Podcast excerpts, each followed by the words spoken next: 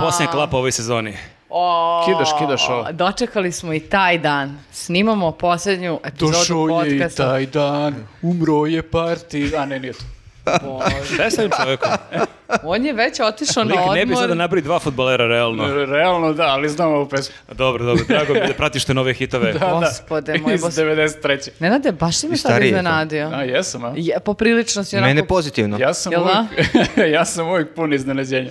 Drago mi je. A, nadam se da i vama drago što ste prisustvovali ovom cepanju ličnosti pred kraj sezone. A, da vas e, podsjetimo ako niste do sada, da se subscribe-ujete na naš YouTube kanal. Lepo si to akcentovao. Došao je i taj dan, sada sam subs- subscribe-ovan.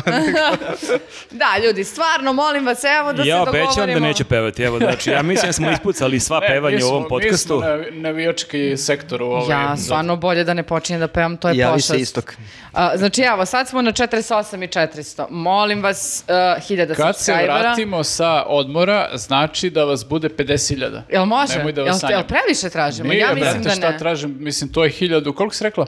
1600. 1600. 1600. Znači, to još 3000 ljudi nam treba, znači do 1. septembra. Pa, Milina, Milina, eto. I naravno, a, ako niste do sada, molim vas, a, podržite nas na Patreonu ili YouTubeu. A, Neki dinar udelite, koliko ko ima, mi nećemo. U skladu sa Jeste, da inflacijom. možemo mi da odemo na more kao naš kolega Darko Crnogorac koji je bio šest mjeseci što se vidi po njegovom Jeste, znači, bronzanom telu. Lepo je, lepo je. Ko nas samo sluša propušta baš perfektan ten. Ja Da, ti- ovo stvarno nisam pio crnu ovako u životu. Čak Ja ja neka za- engleskinja rekla bananas, bananas. Šta to znači? Pa to sam se i ja pitao ko bio sam žrtva rasizma prvi put u životu. Jo, ja, Ma, da. sad to baš i I ja nije- kao, what, no bananas? I kao, šta Mislim da hoćeš, to ja? nije baš kompliment, jer ta Pa boja, da. ako je mislila na banane, ti bi bio neka gnjila banana. Pa ne znam, da je li to da Ono je što, porobi, što je da. na popustu u maksiju, kao niko neće da uzme. Pa ne, ne znam šta je mislila ni tada mi kaže Nije uopšte. ti rekla, Njen muž mi ne. je samo rekao, kao, iskuliraj. Pa baš onako tužna ispovest sa Da, da. letovanje, ovo baš počinje ovo jako emotivno. Još ja izlazim kao sa- sad srećen kao što sam pocrnao i ona viče bananas. Kao, A stvarno, možda voli tako d, m, muškarice preplanule Da. tvog, tvoje građe. A i- muž samo voli da ima robove. E, Tako kao. reći, Znači, tako kao, reći ono, bananas. da. Tako reći bananas. Eto, dakle, e, podržite nas na Patreonu za još ovakvog sadržaja i naravno subscribe se na A naš. na Patreonu u podcastiću e, Darko priča detalje sa Britankom. O bananama, Jeste, da. i Šta je odmah bilo Šta je posle? bilo posle? Koje voće je bilo u opticaju? jeste, a pored e, Darkovih pikanterija, osvrnut ćemo se i na apele koje Ana Grozdanović e, šalje ovih dana na e, žene pre svega. E, šta ona tu ima sve da kaže? Ima ne- dosta nekih e, Nije te materijala. valjda iznervirala Ana Grozdanović? Jel ona, čekaj, jel ona je dalje u akciji sad e, zaštite muškarac od žena? A jeste, ali ne samo da štiti muškarce od nas pomahnitalih žena, nego daje i nama savete kako mi da se oblačimo, ponašamo pa i ne. ostalo. Da, da ne provocirate Nek- nas da, muškarce. Po savjetu evu Britanku što je vikala Jeste. bananas, Baš, kako bananas. se ponaša. Pa eto, mogla bi da krene od Britanke, a ne nas e, Dobro, poštene mislim da je Srpkinje. Britanka vikala Dačiću bananas, to bi imalo smisla Imalo smisla, zato što da. on imao veze sa ovim Mišom bananom. Jeste, jeste, sećam se, sećam se. Pa, Pa Možda je Pomešala lič- ti je sa da, Dačićem. Možda je lično na Pomešala se Dačića. Dačićem, da. Što je još gore nego, nego Marko, bila nisam- banana. To je Darko, tek nisam uvreda. znala da se toliko ugojio, deluješ Pa, potpuno fit. Da, ali na, na moru sam drugačije E, građan. jedino Aha. ko je, možda je pevao neke narodnjake tamo, pa pomislila. Pa da, je- nosio sam banane, pa sam miljecku. Ono. A, dobro. I... E, Ja hoću samo da se zahvalim na samom početku ekipi iz Aranđelovca koja je bila divna prema meni. Bio A, sam na bili ste. Roll and Blues festivalu, porodično smo bili i stvarno, onaj festival je predivan i ceo taj hostel branč jedno divno mesto i to, hteo bih ovako da ih izreklamiram, nezavisno od tog festivala koja je opet jedna sjajna priča koja se organizuje svakog leta, ali ako vas put nanese na, e, u Aranđelovac u narodnom periodu, obavezno idite u hostel branč, ne morate da spavate nužno, makar idite na piće, divna priroda, pogled, e, konjički klub i odmah tu pored, baš ovako sam divna iskustva imao i jedva čekam ponovno da Znači za odem. Jokića nešto onako baš lepo. Jeste, za Jokića, pa pazi, imaju koliko sam shvatio šest i po konja, tako su mi rekli, imaju jednog malog, Da, ali... Ne znam koliko Jokić ima, ali... Ne znam koliko Mislim da Jokić ima ima, manje od toga, čini ali mi se. moramo da odemo zajedno, stvarno je baš divno mesto i nije daleko, sat je nešto od Čamcem. Beograda. Pa mo- na možemo, neki evo... Team building. Na branč. Da, a evo i Teka nam je bila na uzad festivalu u Čačku koji smo također pominjali u popkastu i Teko je li bilo Pa. lepo? Jel, bilo, jel imao ni konje? Jako lijepo. Kažu jako lepo, vidiš, Koliko sad bih... festivala? a, Koliko konja ima čoveče? na Čekaj, mislim festivalima? da treba ipak teka to da kaže sama. Čekaj, čekaj, čekaj. Evo ga, bi- Ala, režiraš Dražiću.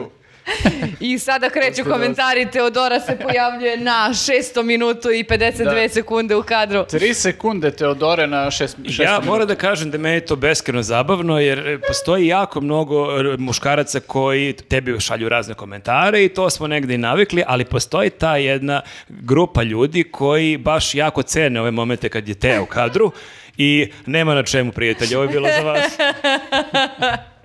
I stvarno bismo mogli, izvini, mogli bismo stvarno nekad da zamolimo Teo da dođe da nam goste, makar u nekoj relax temi. Mož- Evo. mogli bismo i još, ako vi možete apele da šaljete kroz komentare, nama će to značiti ništa- da je pokažem i da kažemo vidi koliko te ljudi traže. da- Ako ništa drugo, to može da bude jedna potresna ispovest kako izgleda raditi sa nama. jeste, jeste. Sreće pa ono u montaži iz kasapima ostane samo ćao. da. Jao, dobro. e, dakle, zahvalili smo se divnim festivalima, rančevima e, i ženi I- Britanki. i koja- konjima. Ja se Pa, baš nisam zahvalio, ali I da. ko- konju i po uh, i mislim da je sada vreme da pređemo na kolegijum. Ljudi, Šta imamo ljudi? Kad smo kod konja, Vučić. dobro, fin prelaz, drago mi da si ti to rekao, a ne. A, Neko je morao. neko je morao. a, ljudi, a, ja mislim da se desilo prošle nedelje da nam je neko objasnio da opet lik laže. Ma ne, Jo. moguće. Pa, laže, ja, laže lik. pa jeste, zato što koliko sam razumela, mi e, e, na svim frontovima rastemo, stvarno, rastu nam i, i dugovi, ali rastu i naši, ra- a- a- raste naš rast. I sad kao, kažu da e, je veliki broj, povećan ve- broj vrtića koji su se otvorili. U, to je baš slago masno. jeste. Mislim, nije, nije slago, nego je baš onako zloupotrebio Ali podatke. kad imaš grafiku, kad imaš onaj grafikon, to delo je onako 3D kako je to lepo štampo, ne delo je Mm. da je istina. Viš kad je u boji, to delo je A potpuno znate verljivo. šta, ono. Ubedljivo. znate šta mene u, u tome jo- e, više nervira možda? E, t- Ne samo zloupotreba, nego činjenica da je sada, e, mi se postavlja pitanje, ko su sad ti ljudi vlasnici tih privatnih vrtića koji su otvorili? Pošto, evo, da ruku na srce možda su otvorili neki divni, normalni ljudi, preduzetnici, super, b- ali kako je uvek to slučaj sa ovom vlašću, kada deli ko- šakom i kapom neke subvencije, nešto daje da se radi, da se rase, tu nekako navodno e, bude problema i bude neki njihov da je tu sad nešto otvorio i tako Ma dalje. dobro, da, da kažemo, znači gostovo je na televiziji, opet mislim malo je iskulirao ovog leta, vid- vidio je da jel ljudi nisu prosto tu i nema kome da priča, ali mora da održava prisustvo sebe u medijima i kad nije na Instagramu on malo dođe na To ti je kao, televiziju. kao neki ti brendovi koji delo da ne moraju da se reklamiraju, ali, Ali moraju da moraš ipak- sve vreme da budeš prisutan, Da imaš da. svest o nje- njemu kao brendu. Da, i on je tu gostovao i svašta je nešto pričao. Uglavnom je pričao o tome koliko smo super i koliko smo bolji od svih ostalih. I Hrvata posebno. Hrvata posebno, da. Naravno, mislim, moramo da budemo To i uvijek nije bolji od teško. Hrvata. Mhm. da.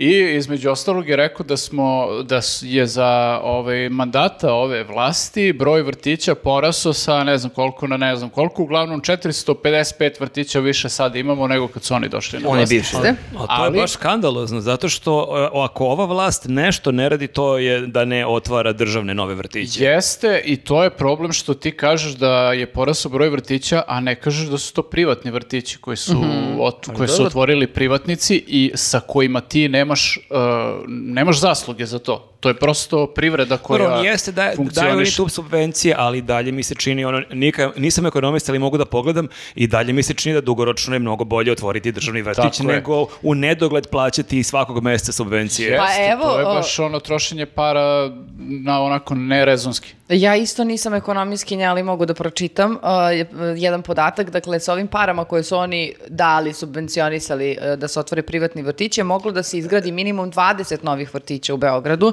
i da se samim tim poveća i novi broj radnih mesta. jel Ne, ali te, to je koje- subvencija samo za mesečno, ovo, Mhm. kako se- ti kažem, pretplatu, ovaj, za mesečno, kako se već kaže, članstvo u vrtiću.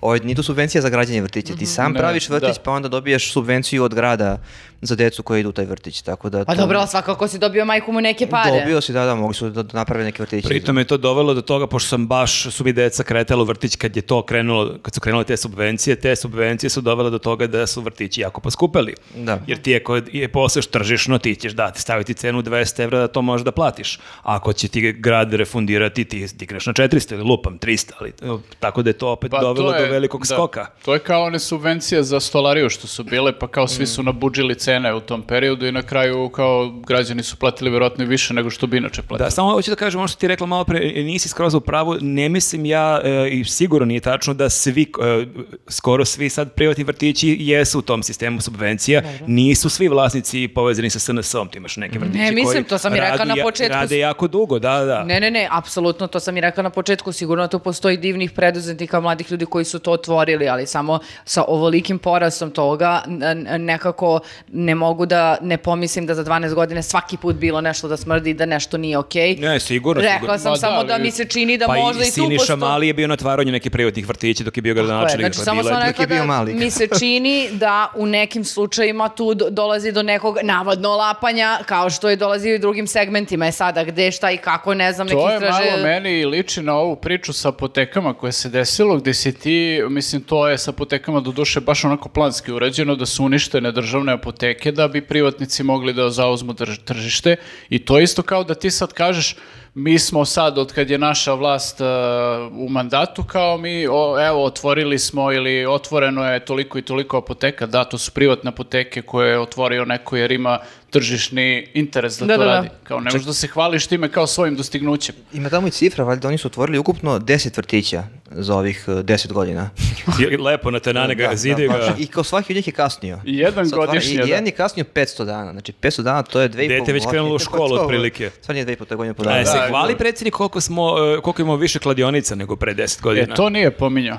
Jer to baš pominjao kidamo, to kladionice, realno da. imamo baš mnogo više Verovatno je kladionica. od 10.000 više kladionica nego što smo ih imali. A jel možemo mi to nekim, jel postoji neki zakon u našoj zemlji koji to... zakon. zakon, jeste, jadna, kapiram, ali e, samo se pitam kao, jel ima neko nešto da tu sad kao malo ograniči, jer to sad već postaje zaista Vrtići ili kladionice? kladionice. ne, ne može. da, Mislim, oni su čak liberalizovali tržište kladionice i oglašavanja igara na sreću i sve to, tako da su im dali još prostora ono koji ranije nisu imali. Mogu da to lepo, s- o, spoje lepo s korisnim, da otvori istovremeno i vrtić i kladionicu.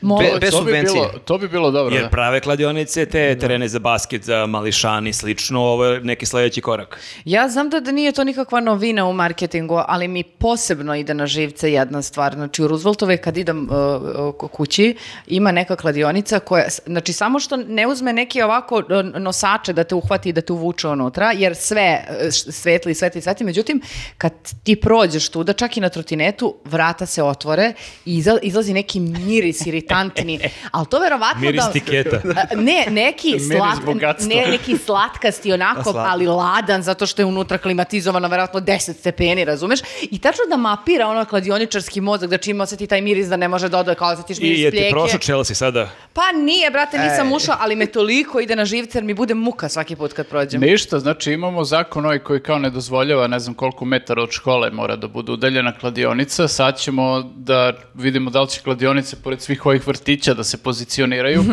i ono uvedu kao za ove, ove decu koji idu u vrtić da mogu da uplate Male aparatiće. tiketić. Tiketić, pa to. Tiketići. Male. Ili da za decu da se klade, ali ne na seniorske ekipe Chelsea City, nego Da, za neke nego- petliće, za neke Jeste, kadete mlađe Chelsea generacije. City, E, za kad mlađe smo kod generacije. pe- Petlića i e, toga, jesmo mi pohvalili naše e, e, mlade reprezentativce u košarci koji su Opa. osvojili zlato Ma ko to prati vesti, bre? na evropskom prvenstvu, bre, halo. Ovo je sad veće ludilo nego što sam ja pevao na vijačku pesmu u ovom podcastu. Ovde zapravo ja najmanje pričam o sportu u ovom podcastu, ovo je sad baš kuriozitet. Ja mogu da pričam i o Wimbledonu ako hoćete, pošto sam gledao. Ja te molim da ne, ali ja sam ovo ništa nemam da kažem dalje, samo sam Samo znaš pročitala da i baš su- sam bila Ništa, u fazonu, pa to je bravo nešto. legendice Bravo naše. Legend, ako neko njih gleda ovo svaka čast i sigurno će značiti naša podrška. to, to je motivacija da nastave da naporno treniraju. Samo nastavite tako. Dobro, pored, uh, pored vrtića... Vraćamo se s vrtića, uh, da. vraća- vraćamo se s vrtića na uh, jednu, uh, još jednu ispalu, samo u ovom, u ovom slučaju nije baš bila kompletna laž i zloupotreba, ali je bilo, bilo laganje, navodno. Uh, on je bio, uh, Vučić je bio, bio negde na nekom balkonu. u- E, ali čekaj, čekaj da kažem jednu bi- jako bitnu stvar još kod ovog Vrtića. gostovanja na televiziji, Aha. da, vrtića i to.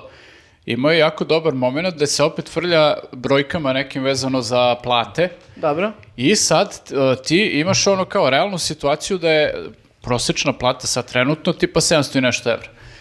On se, on se toliko izgađa sa brojkama u tipa dva minuta da si ti u fazonu o čemu pričao čovjek, kad su te pla- ne mogu da pohvatam uopšte. Samo znam da sam jako bogat, ali ne kapiram Majo, ne gde je znam šta moja da- plata? Ali bukvalno to radi samo da te zbuni potpuno, jer znaš, prvo ti kaže kolika će do kraja ove godine da bude plata u Beogradu, pa kolika će da bude u Srbiji, pa kolika će do 2024. da bude u Srbiji, a koliko u Beogradu. Pa treći kvartal, pa drugi kvartal. Namjerno, znači, kaže poslednje to da će u Beogradu da budu 1200 evra plate na kraju 2024. A to je nešto što kao je budućnost. Ne znamo da li će da bude, sad nije, jako je daleko od toga, ali kao bit će. Ali namerno ti na kraju ostavi tu cifru da tebi ostane u glavi 1200 evra prosečna plata. Bukvalno Mm, Koju kao sa- šibicari, ono vrti koju kao ne da januar, niko- januar, da, Beograd, mislim, Srbija, to, Beograd. to ne da niko nema, nego pitanje je da li ćemo ikada imamo, to je samo obećanje. Ali sve vreme... te Ali zatrpava- ludom radovanje. Da, sve vreme zatrpava tim brojkama, znači samo da, da te sludi, da ti si u fazonu, u, kako Aj razbijamo. se osjetio bogato dok si ga gledao. Ja sam ja, dok je to ispričao do kraja, ja sam bio u fazonu, brate, što se ja štekam kad odem u market, sad ću da idem da nakupujem ono... Maldivi, all inclusive. Rio- Ko je Linda, idemo bre Maka, ono. brate, Rio Mare odmah. E, ali nešto neverovatno je da on ipak e, da, da, tačno e, m, zna kako da lepo izmanipuliše, zato što e, godinu i po dana ili godinu dana nije toliko dalek vremenski period, ali ipak je neizvesan. Mhm. Ali u, u glavama ljudi ih mindfuckuje tako što kažu, ali ti ćeš do kraja te godine da imaš 1200 evra, to je blizu, neizvesno, ali je blizu ipak. I kao sad čuti, brate, čekaj samo još ovih godinu i po dana da ja imam 1200 evra. Jeste, a ako padne sa vlasti, ako dođe ovi Tako žuti, je. imaćeš 300 evra. Jeste, jer kao, ako sad on ode, kako će sad dok ovi dođu, pa dok srede sve, pa do, dok... Pa dok oni pokradu, pa dok ukinu vrtiće, Jeste, pa... i onda nema si to, vozonu, da. bab, samo nema ništa da se pomera, samo je da dođem dok mojih 1200 evra, pa ćemo kao onda i naravno tek onda kad ti krene da ti maše Ali meni sa... je još druga stvar vrlo zanimljiva, to je ka- kurs evra, mislim, o tome ne pričamo Mm. dovoljno, kurs evra je ludilo, on pada, mislim, dinar je raste, Da, ti sad već... kurs bi- evra je fiksiran, a imaš inflaciju koja raste sve vreme. Ali čak i sad evro i 116 više je bio na 120, Mm. pa 119, na kraju će šta, će da spusti to na 107, pa će jedin- onda biti 1200 evra. Da, Jedino što je bitno u svim tim e, njegovim forama je to koliko ti možeš da kupiš kad odeš u prodavnicu, a možeš da kupiš sve manje. I to Tako je, je. suština. Znači ti sa tom platom, čak i da imaš neku prosječnu platu, ne možeš da uradiš ništa malo. E, ali Toma Mone, ne znam da li se sećaš da je rekao da smo pobedili inflaciju.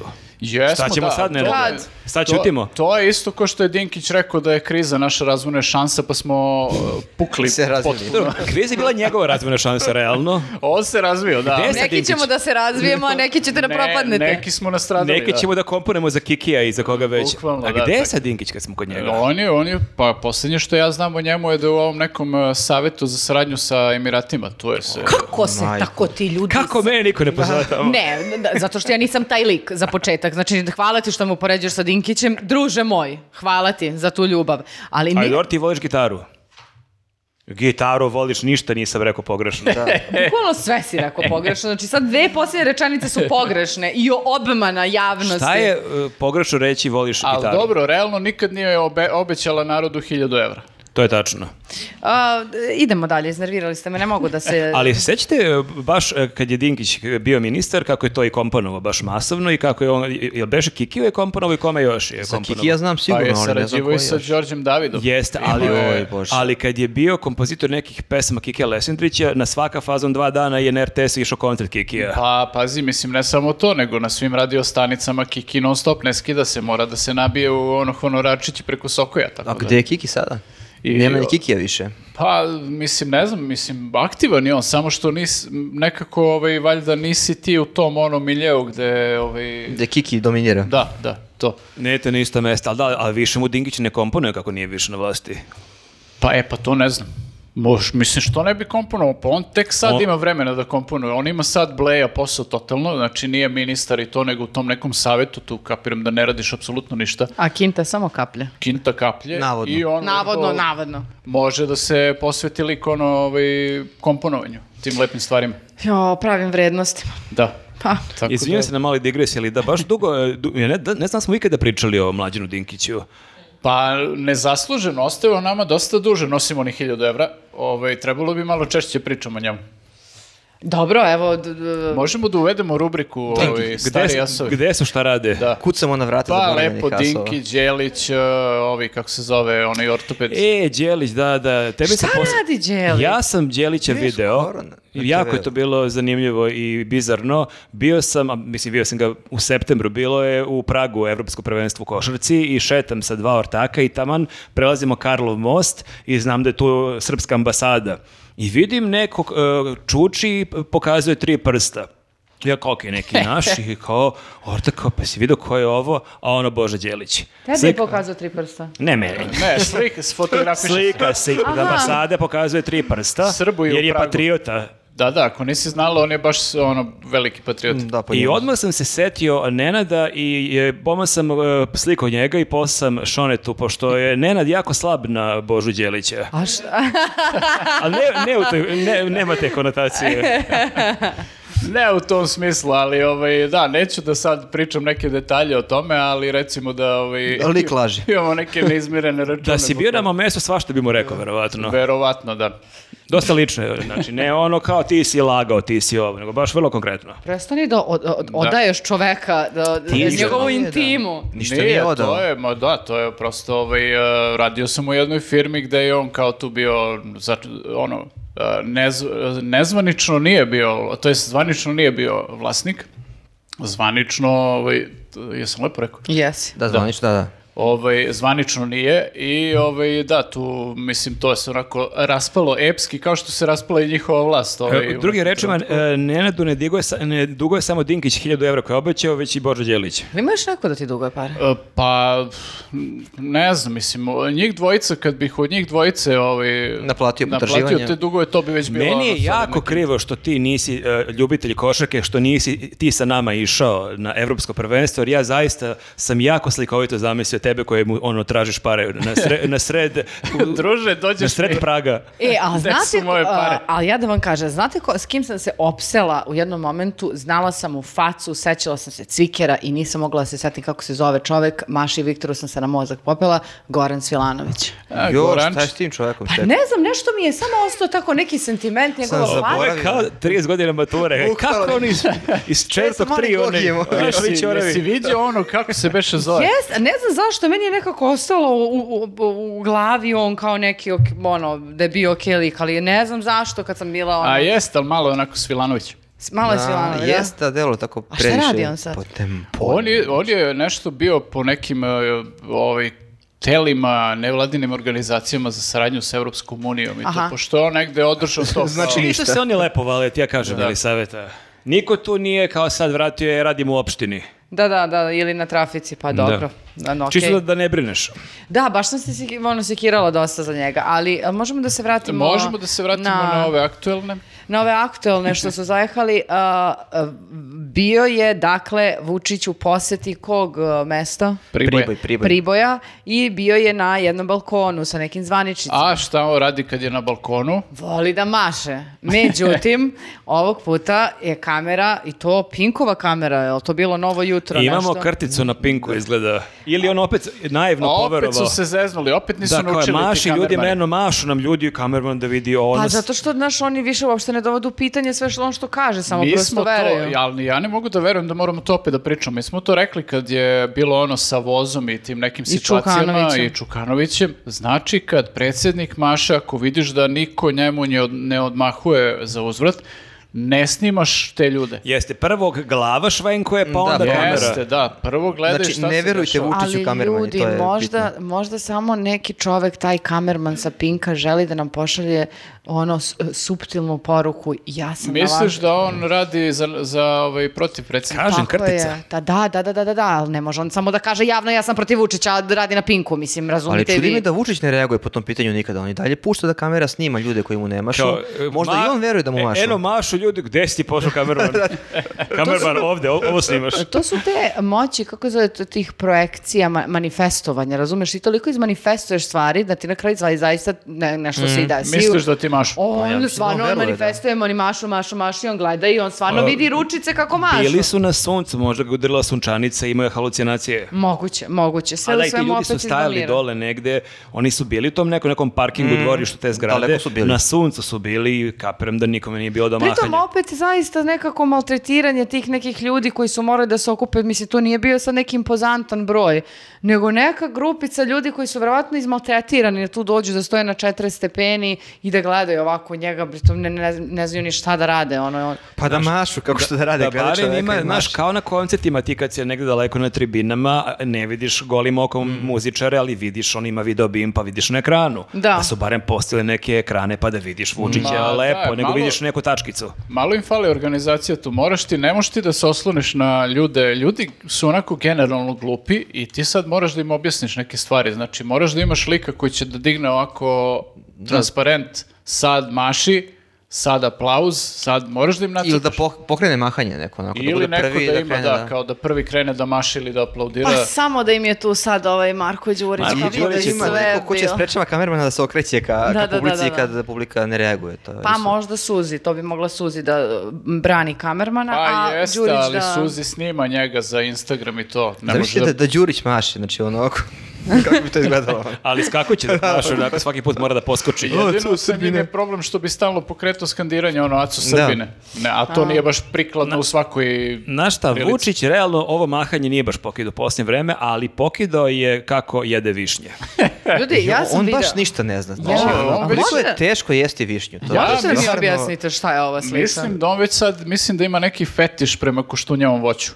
To I je, jede ne ga znam, s čudnim drugačije, da, čovjekom. kako I jede ga da objasnim. viljuškom i nožem. Da, kao viljušku i kao ide. Znaš šta, ja svuda ne je, ali osuđujem, no. svi imaju neke Ti dosta sklonosti. osuđuješ, nemoj da Čudne- lažeš. Nemoj Okej. da lažeš, Ti imaš dosta spisak, osuđuješ. To je bukvalno. kao da kad Dražić kaže ja im mnogo verujem u ljude. Okej, dobro. Bukvalno svi znamo da ne veruje. Ok, to je tačno do nekada. Zar ovom licu ne verujem?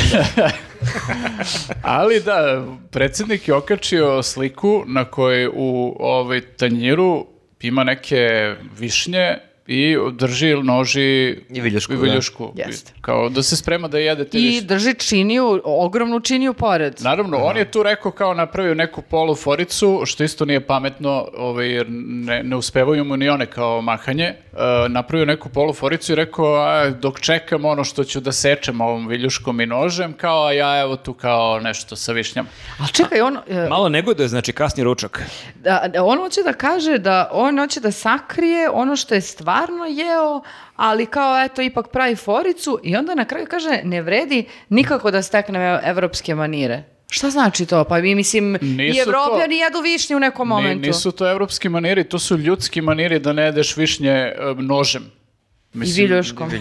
To Tu je ti kao... na srpskom dvoru višnju Bukvalno, boc. ponekad švala stvarno, prstima. stvarno je, više puta smo koristili tu, tu onu paralelu, ali stvarno je ponekad u treći kamen od sunca, lik koji je došao iz svemira i sad pokušava da hakuje kako funkcionišu ljudi i pokušava da ih imitira. Da, danas je lekcija višnje. Da, kako jed, jesti višnje? N- Da, ne, nemoj Koliko tako. kriški višnje mogu da pojedem danas, koliko je okej. A da li on nama to skreće pažnju sa nekih važnih, Važnih gorućih stvari. tema? Pa ne znam da li nam skreće pažnju, jer mi ispratimo sve ipak. Pa znaš, To je tačno. nema onog Izraelca više koji mu je govorio nemoj višnju da jedeš viljuškovi nožem. Čekaj, ali sedeo je sa ovim, uh, kako se zove, Žil Fro, nemam pojma. A, on je neki... Ž- Žofre. Joffre. Tako da. nešto. on je Evrop- ambasador EU. uh, to Za je- višnje. Mogu to da mu s- kaže, ljudi, e, Ne, ne, ne, jede se ne, tako. nego amatori, hoću da nemoj. pitam, ako, apropo Markovog pitanja, da li možda nešto, uh, da li možda nešto hoće da prikrije ovim višnjama, da li se desilo neko stranje s Evropskom unijom, pa sad on maže nama oče Znaš, ovim neće višnjama. on izgubiti nijednog glasača jer Bangavo jede višnje, niti će neko glasiti za njega kao wow, pa ja isto ovako jedem višnje, ovo je moj čovek. Jer To je niko baš- ne jede višnje tako kao on. Pa niko da ne jede, ali to je tako, e, nebitno, ali uhvatimo se svi za to. A šta ako se iza toga krije nešto mnogo bitnije? Kako Mm. Ma- jede trešnje? Kao, na primjer, Posle ovo- ko- ko- Pa sa zero kolom, to smo već vidjeli. E, Kao, na primjer, ova izjava za, za vojnike. A, Ali da, da, nije da. uspeo da nas izvoza da mi pričamo o višnjama, a da to ne pomenemo. Pomenut ćemo i tu jezivu izjavu. Ajde, hoćemo. Da, on je bio isto i na pasuljinskim livadama na ovom e, nekoj vojnoj vežbi. Mhm. I tamo ima onako prilično neke sumanute izjave gde kao da je trenirao strogoću. Bio na jako ljut. vojnicima. Da, bio je jako ljut i, i kao da je malo ovaj, hteo da izriba te vojnike u fazonu. A Možda mu je, zašto? pa bio mu je tup nož za višnju, pa se iznervirao i dotišao da se dere na vojsku. Uflekao se, poletela mu višnja ka Dobro. kravati. Usne vrele višnje. Da, između ostalog je rekao, ovaj, neki vojnici su se povredili na tim vežbama o, i on je rekao da dobro, pa šta ako su se povredili, nisu oni manekeni. To je mene podsjetilo na onu, e, mislim tu da mi je to najjezivija izjava nekog od njih do sad u ovih deset godina, za one vojnike koji su, to je ne vojnike, nego radnike koji su poginuli u Krušiku, uh, da oni ne rade na majnekinskoj pisti, nego rade u fabrici naoružanja i kao, eto, desilo se. Isto tako sa, sa ovim vojnicima. I Mhm. Eto, bio, je- desilo da, se. bio je jako nervozan i imao je još neke izjave uh, vezano za neke kontejnere gde su kao, ne znam, uh, Da, Vučević je predložio ministar odbrane da se nabave kontejneri gde bi vojska bila smeštena da se sačuvaju od povreda, ali kontejneri koštaju 2,5 miliona evra. da, Oni rekao, Jeste i Vučić je bio Šta u će im to? fazonu, on ne da, ali je ipak popustio Znaš na koga kraju. ste pare možda uvedemo i u Zvezdu ili u Partizan, brate, za 2 miliona. Jeste i koliko više ne možete Nekad, kupiti. ja sam da vam kažem nešto, odlična taktika. Znači, ako se okrene i vojska i policija protiv njega, zato što ih se tako A ponaša. misliš samo neka gazi ovako? Samo neka gazi, zato što a, o- a, sada se dešavaju mm, protesti s- svake Mm. nedelje, šeta se to, ono, ja sam sigurna da će, mislim sigurna, evo, pretpostavljam da će zastrati nešto i u septembru, pa će Da. izaći mnogo veći broj ljudi i tako dalje. I dobro je nekako da imamo policiju i vojsku na ovoj našoj strani. Da, on je došao, on je verovatno gledao je tako neke e, vojne ratne filmove, ono, Full Metal Jacket. On je došao, e, zam- kako on zamišlja da treba se obraćaš vojnicima? Jako strogo, jako oštro da vičeš i to nešto, oj vojnik, on tu kisne, on ne može po blatu, štabre ne može ima da kisne ako si vojnik. Baš je onako ušao u neki lik, Jeste, kao ali- da on iza sebe ima ne znam kakve ono ratove, ne znam kakve herojske Jeste, bitke. kao da je Rambo neki koji je preživao, ne znam šta, i sad će on njih da tu izdriluje, ovaj, da, Ima da le- legneš budu, u blato. Da budu čvrsti, da. Da, Ono, da. šta Ali ćeš, pritom druže, to- ti s tim prstićima jedva višnje Ma, te mislim, da, čapaš.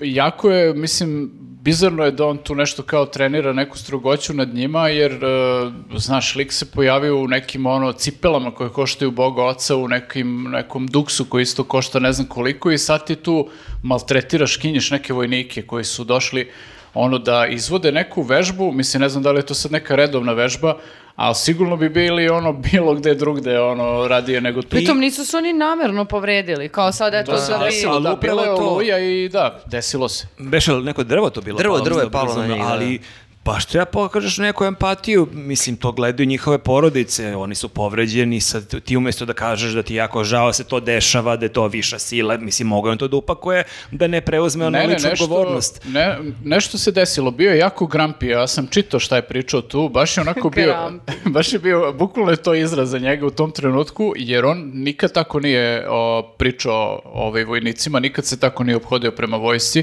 ovo je prvi put i baš vidiš kao da je e, kao da ga nešto tog dana jako iznerviralo, kao da ga neko izvoji iz takta i sad tu kao se on izdrkava Ako na su njima. bile jako kisele višnje, to me diznervira. Moguće, da, kao dođeš ono, znaš, u maksi, pa nisi, ne znam, smeo šefu nešto da kažeš, pa si došao onda na kasiru se i življavaš ili na, na nekome ko ti tamo seče meso. Mm. Tako je izgledalo.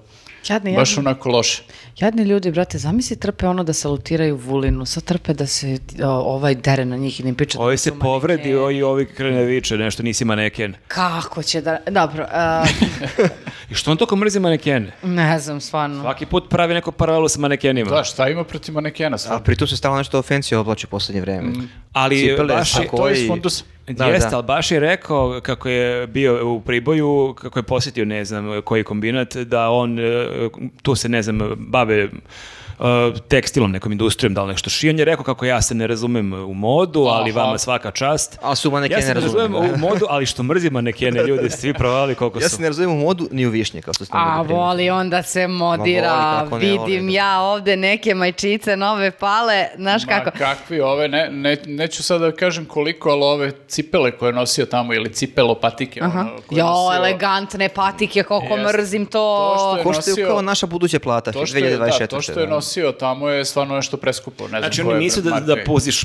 po blatu kao vojnici. Da. Ne, ne, nisu uopšte. baš A su da onako li, nežne. e, da li ste primetili da se vratio na stari model cvikera kad su već kod mode? Sećate se da u jednom momentu Wow, promenio? Čekaj, čekaj, ovo je sad baš neki detalj na koji nisam nikad obratio Ne, ne, pažnju. e, jednom, jednom momentu je promenio oblik cvikera i onako malo je, m, kao da je najavio neki novi fazon, malo onako, e, n- e, teško mi je da kažem lepši, zato što to ipak pričamo o, o našem predsjedniku. O našem manekenu. o našem najlepšem manekenu, ali opet nekako i vidi se da kao postoji neki trud, neko promišljanje vezano za sve to. I onda samo u jednom trenutku pap vratio se na, uh, na ove gluposti. Pa Možda je polomio cvikere dok je jeo višnju.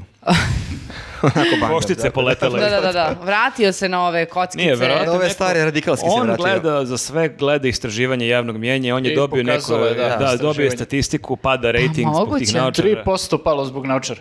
Pa moguće, moguće, ali evo sad sam se samo setila. Ali očigledno, e, ako rejtinzi pokazuju da pada rejting zbog tih naočara, ove neke majčice podižu rejting, jer on ponovo kači fotografiju u onoj majici e, sa kragnicom. I ponovo ne znaš šta da radi sa ručicama, konkretno sa prstima, katastrofa. Dobro, to, to s prstima možda malo poradi, ali Nenadu je ovo, zapalo za oko kako je on opisao tu fotografiju. On je sedeo e, na nekom splavu na Savi.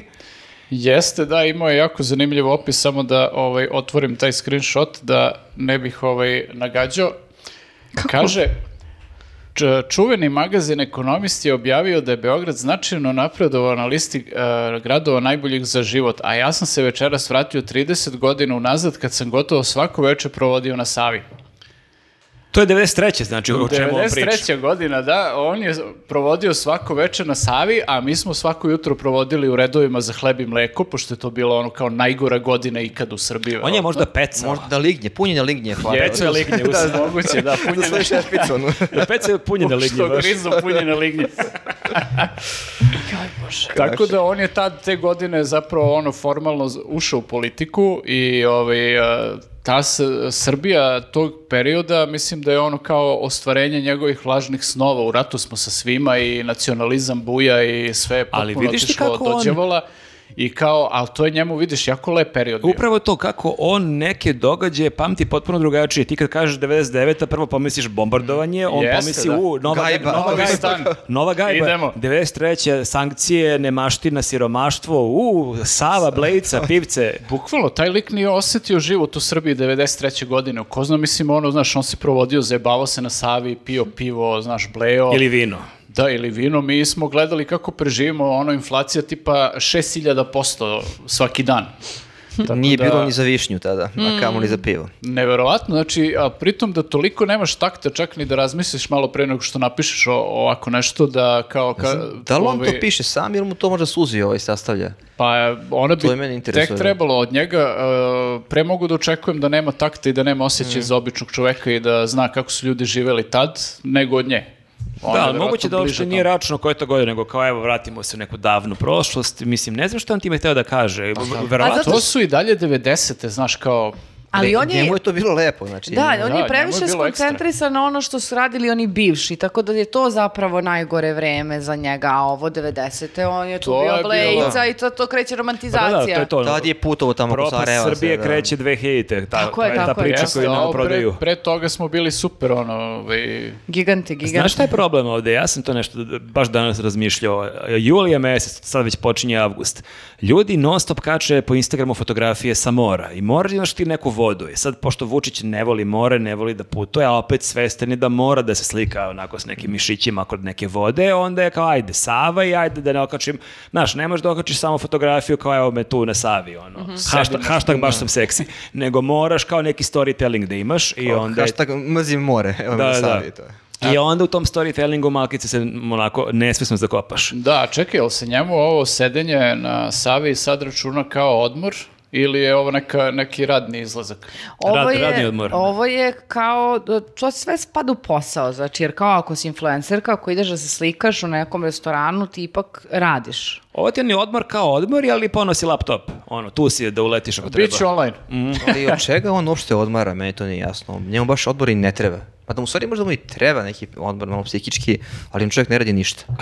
Realno. Kako, kako verovati, brate, liku koji ne voli da ide da, da odmori? Ne mora sad more, ajde. Prvo, ajde kako verovati čoveku koji ne voli more? Ali vidiš ti li savjeta sad, e, a evo, tvoj čamac, ti hoćeš da imamo čamac i kupimo čamac, odemo malo do Save i šta vidimo? Vučića. Ili Dobro, možemo da idemo na Dunav samo da ga kupimo, brate. dođe ti se uvali na čamac. Ma ko da mi se bre uvali na Vučić. čamac? Znači, normalno. Još Gde on može svuda da- privaljuje. Još ako se uvali, možda se nagne na tu stranu, on je ovako, Da. ovako je malo kabasta. Ne dolazi u obzir. A Taj sa njim čovek naravno kamera pinka i on maše sa I čamcem. goca uzelaca. Imam suze. Znači, mi moramo da kupimo čamac ako je nas tu četvoro, petoro koji će se voziti, barem za još petoro ljudi ako se cela bulumenta uvali. Ljudi, ja varam da je ovo sve radi neke šale, ali ideja da, ideja koju mi usađujete kao misao da budem sa Vučićem na, Na čamcu, čamcu, mislim zamisli. stvarno ono odustajem od čamca Zalazak ako sunca. treba, ako to želiš da čujem da odustajem od čamca, odustaću od čamca ako treba s njim da se Mogu ja i da vozim. veslam. Da, da, da. E, Mašu pecaroši s obala. Aj, Mašo, plašiš ribu, beže, da. Sklonite se. Joj, dobro. A, ima još jedno, on se svađao, ne ja, samo... Bože, smo još na Vučiću, ljudi. Je, jesmo, jesmo, jesmo. Ajde, pređemo na neku laganiju E, temu. znači, počet će nam nova sezona u septembru, mi ćemo i da ja pričamo još o Vučiću. Objasnite mi samo, znači, uh, uh, Georgijev je... uh, Vlado? uh, Pogledaj me. Šta je sa Vladom Georgijevom? Kako smo kod toga? Kako- Ajmo, šta Gde, to radi? To je Ajde. teška tema, Da. nećemo o tome. uh, Sloba, sloba. Sloba je, ne, ne, nego hoću samo da vidim uh, ka- u kom momentu se on njemu sada, e, ne- ka rekao, nek on ne, nek dokaže. Nisi ispratila A, priču. e, pa dakle, da, to je- pojavili su se dva ili tri videa koji dosta ovako brutalno Sad targetiraju. ovih, danas se pojavio još, još jedan novi i to je bio povod da Ah. Slobi Georgije Da. priča. Danas u ponedjeljak kada ovo snimamo, da. Dobro, To a je kakvi treći, su četvrti. spotovi, o čemu se radi, A, kogog... Ovi hejterski gde kao proglašavaju N1 i Novo je s izdenicima. Aha, Da, Alex i sve. Kesić, Sandov. Klasika, Ivanović, ovaj, da. ovi oni pojavljuju se i kao rade protiv Ono, Srbije, targetiranje. izdajnici. Da. I e, Sloba Georgijev je tim povodom gostovao u jutarnjem programu i on je rekao da, e, je rekao k- kako pouzdano ima informaciju da lično predsjednik Vučić, e, da je on e, Naručilac. da. na- naručilac tih Naručilac. spotova. Nemoguće. Jeste, to je on rekao i onda je par sati kasnije Vučića su to pitali i on je rekao da on iznese dokaze ako to tvrdi. Ne, prvo je rekao da on ne zna o čemu se radi, pošto on nikad ne zna o čemu se Nemam radi, ja pojma, nikad čuo kao, nije za nik- to, ali kao nikako daj ja dokaz. Da, spotove nisam vidio. Mm. Znači, to je, da podsjetimo, Bio sam na Savi, šta je bilo pojma, čovjek nema. koji, Nisam Wi-Fi na čovjek sebi. koji nađe s- na Twitteru da mu neko pominje, ne znam, familiju ili šta god i maše posle time u, u emisijama na Happy i Pinku, znači, e, nađe takve tweetove, a za ovo nije čuo. Pa to je, kako oni to kažu, kontradicio in, In objekto. objekto. Kako je moguće da lik koji se stalno kurči Ma na televiziji, daj. kako on sve zna i kako je nepobediv i kako mogu da probaju, ali ne mogu da ga pobede zato što on mnogo Ne, Pa zna ne, vrlo, kako za ovo vrlo nije čuo. selektivno ne zna stvari Mm. kad mu odgovara da ih A, ne zna. se iznervirala. Ne, pa zato što stvarno, mislim, ne, neverovatno mi je da uspeva paralelno da proda priču kako je najpametniji i kako apsolutno I kako sve ništa ne zna zna, da. i kako ništa ne zna. Pa čekaj, jebote, i to verovatno u, u Pa znaš kako istoj se kaže? izjavi za medije možda. Što je veće znanje, veći je dodir sa neznanjem. To Da. je fora. Dobro. Ovi, ovaj mudrac ne priča mnogo, ali kad nešto Ovo sam iz, kaže... iz- sa mora povukao, da. Ja, Od nekog ribara, vidim Petar. sledeću, vidim sledeću temu i Jesmo nije mi gotovi, dobro. smo- Jesmo, Jesi ti- jesi konačno. ti neki Sokoeljo?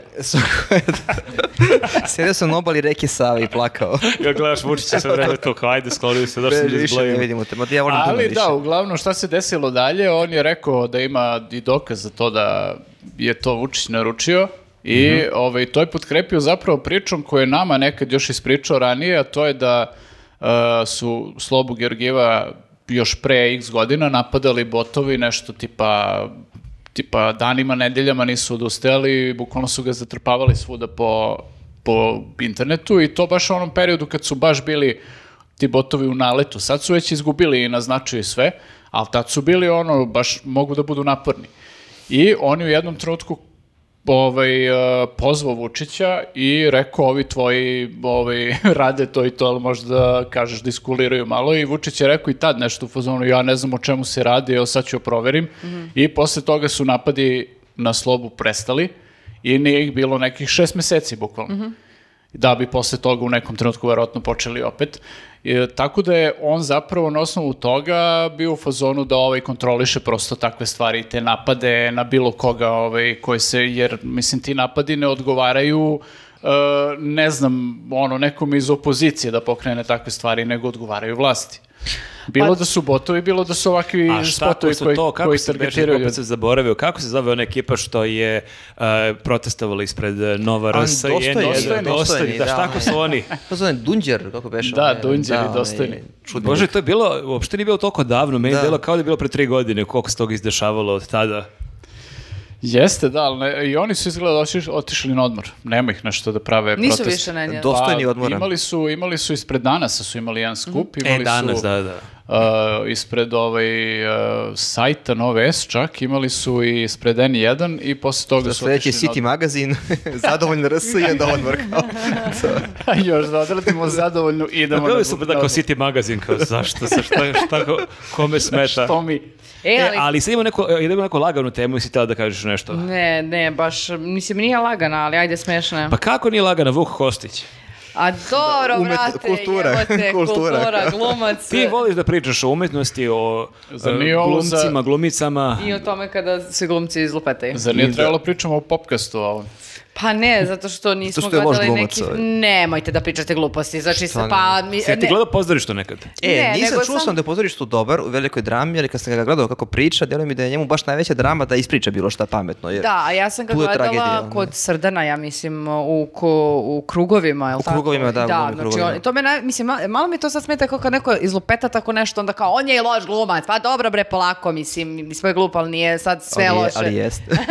Nije baš sad sve loše, Dobro. mislim, ne možemo Naš tako. dobar glumac, pa sad dobar. Naš glumac, ajde. Ajde da kažemo naš glumac, sad se ne bavimo njegovom glumom, s- a ako hoćete u popkastu pa da pogledamo sve što je čovjek uradio, ali opet ko E, smo je, mi... ne, nemoj pa sad. mislim, s druge strane, i ko smo mi sad, pa da kao sad uh, toliko, ajde. A, kaže ovako, ja bih stavio berlinski zid između nas, da ne možemo da se više nikada sretnemo, da ne bi dolazilo više do tih strašnih nesreća, misleći na zid između nas i Hrvata. Pa dobro, Što to je okej. berlinski baš kao ovaj, između nas i Hrvata. I kaže ni na pijaci ne šipski, može recimo. prosto, pošto krompir, jesi srbine, ne može.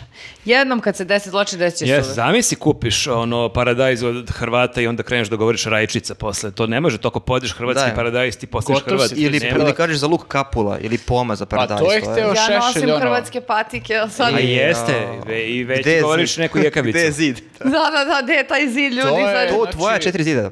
Ogulin, Karlobag, Virovitica, Karlovac, to, da. to je, da, to je bila u stvari Šešeljeva vizija ovoga o čemu govori ovaj, e, Vuk. Ja čak je nešto pominjao i kad igramo futbol pa nam oni buše loptu, imao je, mada bolje da ih izbjegamo u futbolu, mnogo su jaki.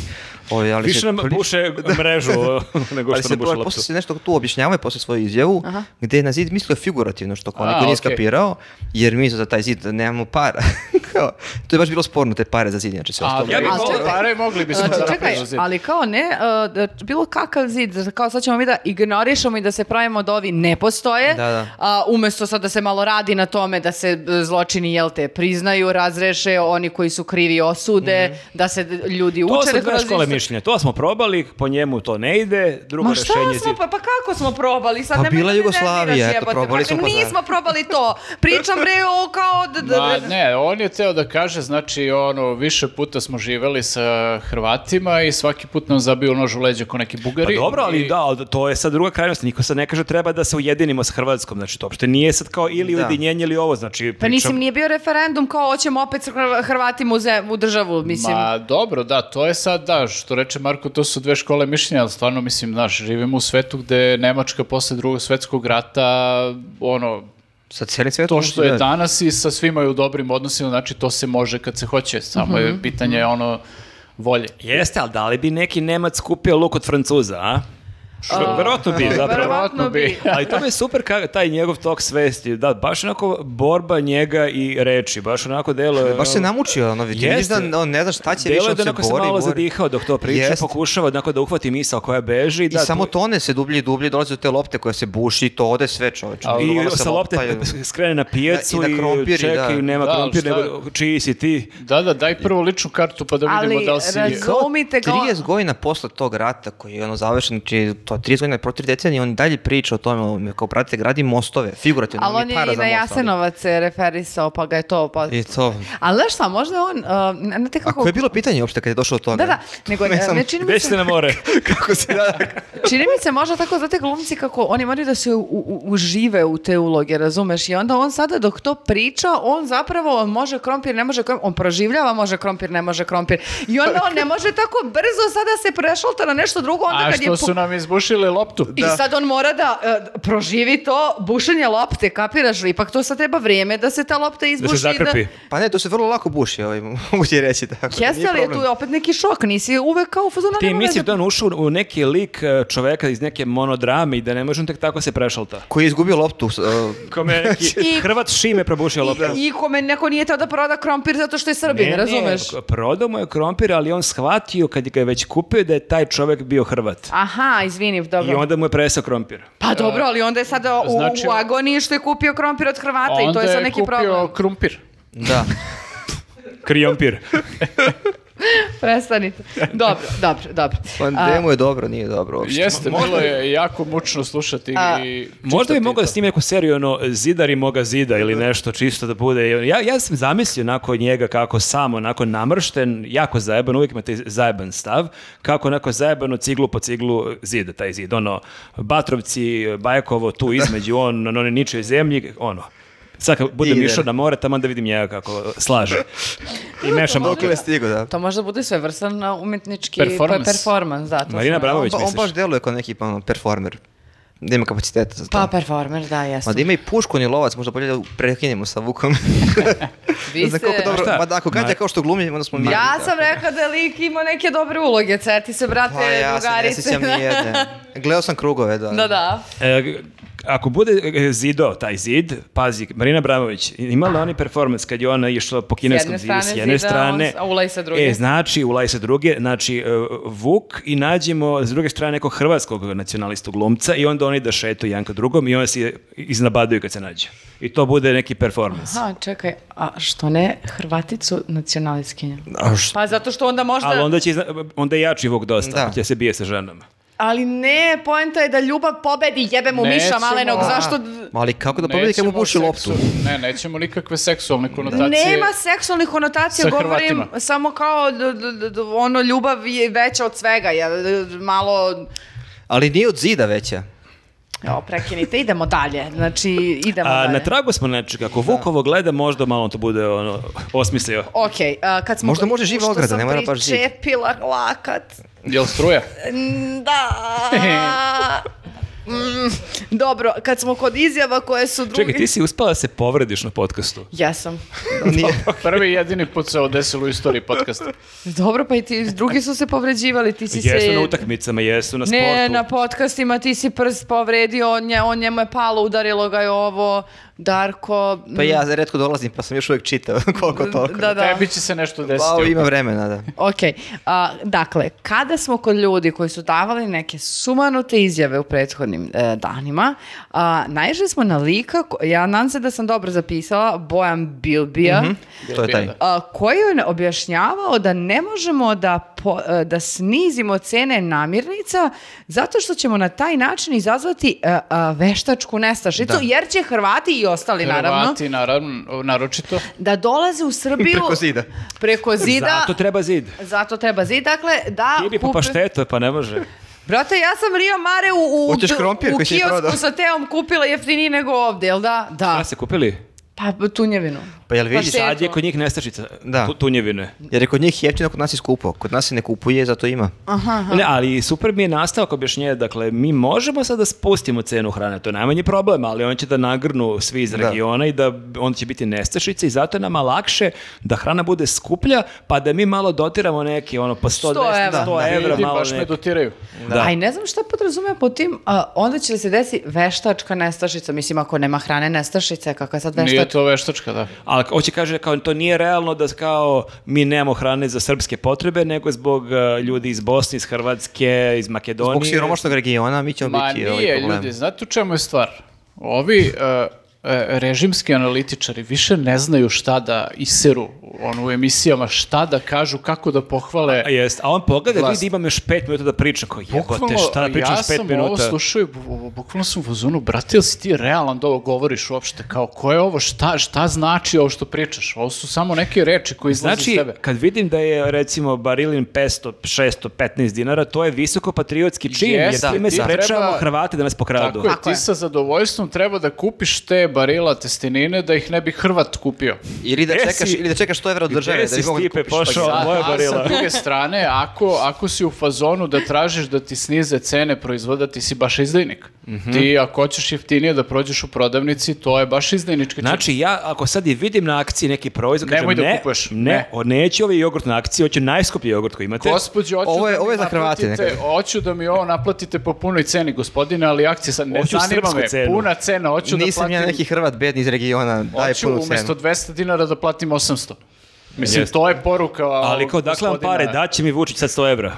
da Piši tamo u platim svesku jedan. do prve Jel pomoći. taj gospodin e, Bilbija, on ekonomista neki? Ne, on je neki e, novinar politike, koliko okej. se sećam Da, posljednje. da, da sam nas Google da im Sportski ro- novinar.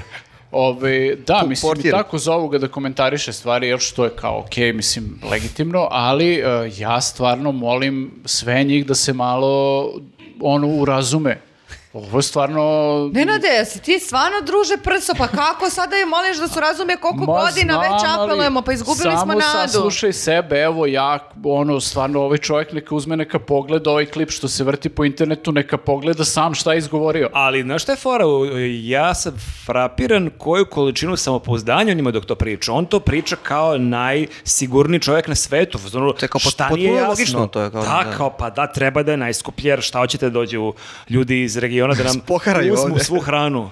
Ne, ne, ovo je unikad, ja mislim u istoriji ekonomije nije ovo, o, znaš, imaš kao državni protekcionizam u ekonomiji, kao gde država pokušava da se zaštiti na neki način, e, da zaštiti svoju ekonomiju, ovo u životu nisam čuo, ovo je, znači, ja ne znam, mislim, odakle mu ovo. Molim vas ljudi, urazumite se kad Pa vam ne, ne, kad stvarno vas mislim. Nenad moli. Nije, ali sve i da branite vlasti Vučića i da vam je to zadatak ili šta god, ili, ili to radite iz ubeđenja, ali samo dajte malo neke logike Znaš ubacite. šta, u ovo- sve Ali to. evo je logika, Nenade, hoće da nam kaže čovek da je bolje da ćutimo i da trpimo i da plaćamo skupo, zato što će onda Vučić da nas nagradi sa po 100 evra. I šta ti sad problem? Šta ti znači 100 evra čoveče kad tebi ono Jogurt. jogurt, Rekao je 100-200 evra. jogurt Možda je da bude i 200. poskupeo za 100 evra. To je tačno. Bukvalno. Ne znam, Tako oni da- su, ja mislim, e, probali su pre mjesec, dva dana ovo što s- smo podsjetili Toma Mona da- što je rekao pobedili smo inflaciju i oni su vidjeli da ta priča baš nije prošla jer realno ljudi vide koje su cene. Ovo je sad plan B, ok, ajde zajebemo tu priču da smo pobedili inflaciju, nego ovo je patriotski, Ne. mi branimo Srbiju tim Jeste, a inflacijom, mene da. baš zanima šta misle o ovaj, tom patriotskom ovaj, činu i ovi trgovci, jer kao i oni sad su objavljeni podaci da je pal, pao promet u trgovinama, što je logično zato što su cene A nenormalne. čekaj sad, Ali ako- su rafovi puni. Jeste, Jeste, da. ali tom logikom, ako će kod nas doći Hrvati i Bosanci da kupaju našu jeftinu hranu, a i kod nas je hrana skupa, zašto onda naši ne idu u Hrvatsku i Bosnu da kupuju njihovu jeftinu hranu? Pa, čekaj, mi u 100 jedino evra za idemo u gorivo, da. Segedin. Da, da, da, čekaj. To Ali onda to opet je nije baš fora pametno. Što je, fora što je kod nas izgleda i benzin najskuplji u regionu, pa ne možemo da jeste. odemo da kupimo jeftinu hranu. Evo, ja sam bio junom na moru u Hrvatskoj, tamo je benzin bio jeftiniji nego ovdje. Da. Jesi E, to rekao Vuko Gostiću? Da, Vuč, jau, ima pušku. Paralija, paralija je bila divna. ja malo mrmljam tako da. A, dobro, kada smo sa- kod frljanja sa a, našim parama, a, desilo se i to da Siniša Mali pokušava da nam objasni kako je neki minus od ne, ne znam koliko miliona, 812 miliona planiran, ali a, da su da je taj minus planiran i zapravo super zato što smo potrošili manje pa Uh, mi je mozak eksplodirao. Znači, Rodoljub Šabić je, jel tako beše, okačio na svom Twitteru, gde uh, Siniša Mali pokušava da nam objasni da uh, su projekcije nekog minusa uh, manje od uh, toga koliko je zapravo minus i da je to naša velika... Pa dobro, znači ako računaš na neki potpuni debakal, to ne samo ekonomski, ako u životu računaš na neki debakal i t- deši se debakal ali malo manji, ti si u fazonu, ja sam pokidao. To je kao da si radio test u školi i da si rekao dobit ću dvojku, katastrofa sam uradila, dobit ću dvojku. I ja dobijem četvorku i majka me odvede na sladlo do fuzonu ti si genija. Pa da, ali ako pitaš ovog Bilbiju, a, to što imamo minus u kasi je do jaja, zato što onda neće Hrvati da dođu da nam uzmu pare iz kasi, jer ih Ja nema. nema.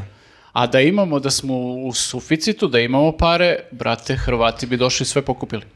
O, dobro, dobro, ne. To je čisto- to je ekonomija, to što, je vrlo više prosto, ovo ovaj. slušam, ja sam sve bliži Vuku Kostiću. To je takozvana ovaj, praktična ekonomija. Ja sam u fazonu da možda napravimo jedan zid, ali ne između e, kod braće... Ako si njiše malo. e, ne kod, e, kod, On ima dosta zidova u kod, Bugarskoj, ne znam da li e, znaš. e, braće Hrvata, nego ono oko vlade, brate, i da ne izlaze tamo dok ne srede neke stvari i minuse i to, a pogotovo Ali ne da kako idu oni na da srede? televiziju, da objašnjavaju kako neki minus je okej minus, zato što je ono što je e, projektovano da bude minus je mnogo veće, Ali ja veći kapiram kad je minus. tebi mali ministar, ti planiraš da bude neko sranje sa njim. Da, da. Znači, tako da šta god se desi, super, to je planirano. A ako se ne desi sranje, ti su u- Dakle. do jaja. A Kako čekaj, se ovo sad se, desilo? o, mislim, okej, sada kapiram sad te neke projekcije e, d- da su rađene e, da bi moglo da se kaže naš e, minus je planiran ovoliko, uzmeš u obzir neke inflacije, nemaštine, a, Bilbije. dugove, bilbije, Vučića, vojsku, policiju, sve, pa opet daš to, kapiram da sad, ali e, kako je moguće da nam onda tako objašnjava, mislim da, da, da, da to što je sad manje, da je to... su- Ljudi, sve je pod kontrolom. Pa da, ne, kap- ne razumem. Pa ne razume niko, mislim, to, to je ta njihova logika, kao i ovi što je rekao za, za Hrvate. Za, mislim, ove što će dođu da nam pokupuju Misliš, nije se jeftinu mnogo, robu. ali da, ali Bilbije se barem iscimo da te baš šokira objašnjenjem. Mali se nije mnogo iscimao. Ne, on samo sam uveren Ljudi, onako. ljudi, sve okej, ono. Da, da. Pa Ništa, ne brinite, E, ja ja, sam sam, doktor, ja, ja sam znam, da. ministar, šta može pođe naopako. Mhm, Dobro. Um, E, ok, pa mi smo završili sa tim ekonomskim temama. jo, nismo. Šta ima još? Pa nismo, zato što uh, sam pronašla da uh, uh, je prodata Gamzigradska banja, a to opet negde ko spada u ekonomiju, zar ne? I u turizam, i u ekonomiju, I u- jeste. Da, e, to je nevjerovatna vest. Dakle, Gamsigradska banja je prodata za 300 i nešto hiljada evra. Toliko košta jedan malo veći stan u Beogradu. I baš sam čitao... da Da, Cela banja prodata. Jeste, Smelo. koja ima te, e, taj e, kompleks ima, ne znam, da- sad da morat ću pogrešiti, ali da li 3-4 hiljade kvadrata, ako ne i više. Dakle, to je ozbiljno veliki kompleks koji je čak i bila cena na licitaciji pre nekoliko meseci duplo veće početna, pa je to nešto propalo, pa je sad prodata po ovoj ceni. Čekaj, pa- 300.000. 350 hiljada Pa, evra, recimo. Ovom, Pa Han- na popustu. Onom Sad su akcije. Handanoviću se više isplati da je kupio banju nego onaj stan tamo što su ga zezali da je kupio za 400.000. Jeste. Tako da, hoće kažem, i mi, ja ne znam ko nju zavodi financije, mi potpuno pogrešno ulažemo novac. Jeste, pošto da sam došla i rekao treba da uložimo u Gamzigradsku banju. Savjeti s njim za Treba, da. m, s- naša Mi- poruka- Pazi, ja sad iz ove perspektive mi je bolje da uzmi, uložim u Gamsigradsku banju nego u pećinu. Ja stvarno, ja, ja- Bogu hvala, pa Viktor nije tu neko, neko vreme, on je baš katastrofa za te investicije. Da, on znači, bi dao za pećinu, brate, 200.000, a ovo dodaš još 100.000. To i je pola kupiš banje. banju. bukvalno, da. Ali jel ti shvataš kolika je naša, ono, d- ne, kako bi rekla, d- d- d- prodajna moć naše na- pećine? Nama neko ne javlja, čini mi se, kad su te licitacije. To treba verovatno negde se, da se subscribe-uješ. To je pa neka da ti ja- Viber grupa, verovatno. Ali ljudi, Licitacije povoljno. ljudi, ja samo moram da vam kažem jednu Licitacije stvar. info uh, na- na mislim, Facebooku. žao mi je što moram da saopštim, ali mi nemamo ni 200.000 u džepu. Ma da dobro, odemo na ali okej, licitaciju. Pa dobro, Slušaj. ne, mo- ne moraš celu banju, kupiš deo banje, neki lepši tamo. Jeste, Kupiš deo banje i banja ti Jedan, bude. jedan bazen. da, skupimo po 1000 evra i kao može jedan Pa, kvadrat. Ja mislim da je to toliko do- dobra cena da bukvalno mogli smo da pozajemo te pare, ne Da, znam od meni koga. ili da pozovemo Patreondžija da se učipe svi, da kupimo zajedno sa Patreondžijama banju. I da ih zovemo u banju. I posle. zajedno u blatu budemo s njima. Da, da, Mažemo snimamo, se da, svi. snimamo podcast u banji.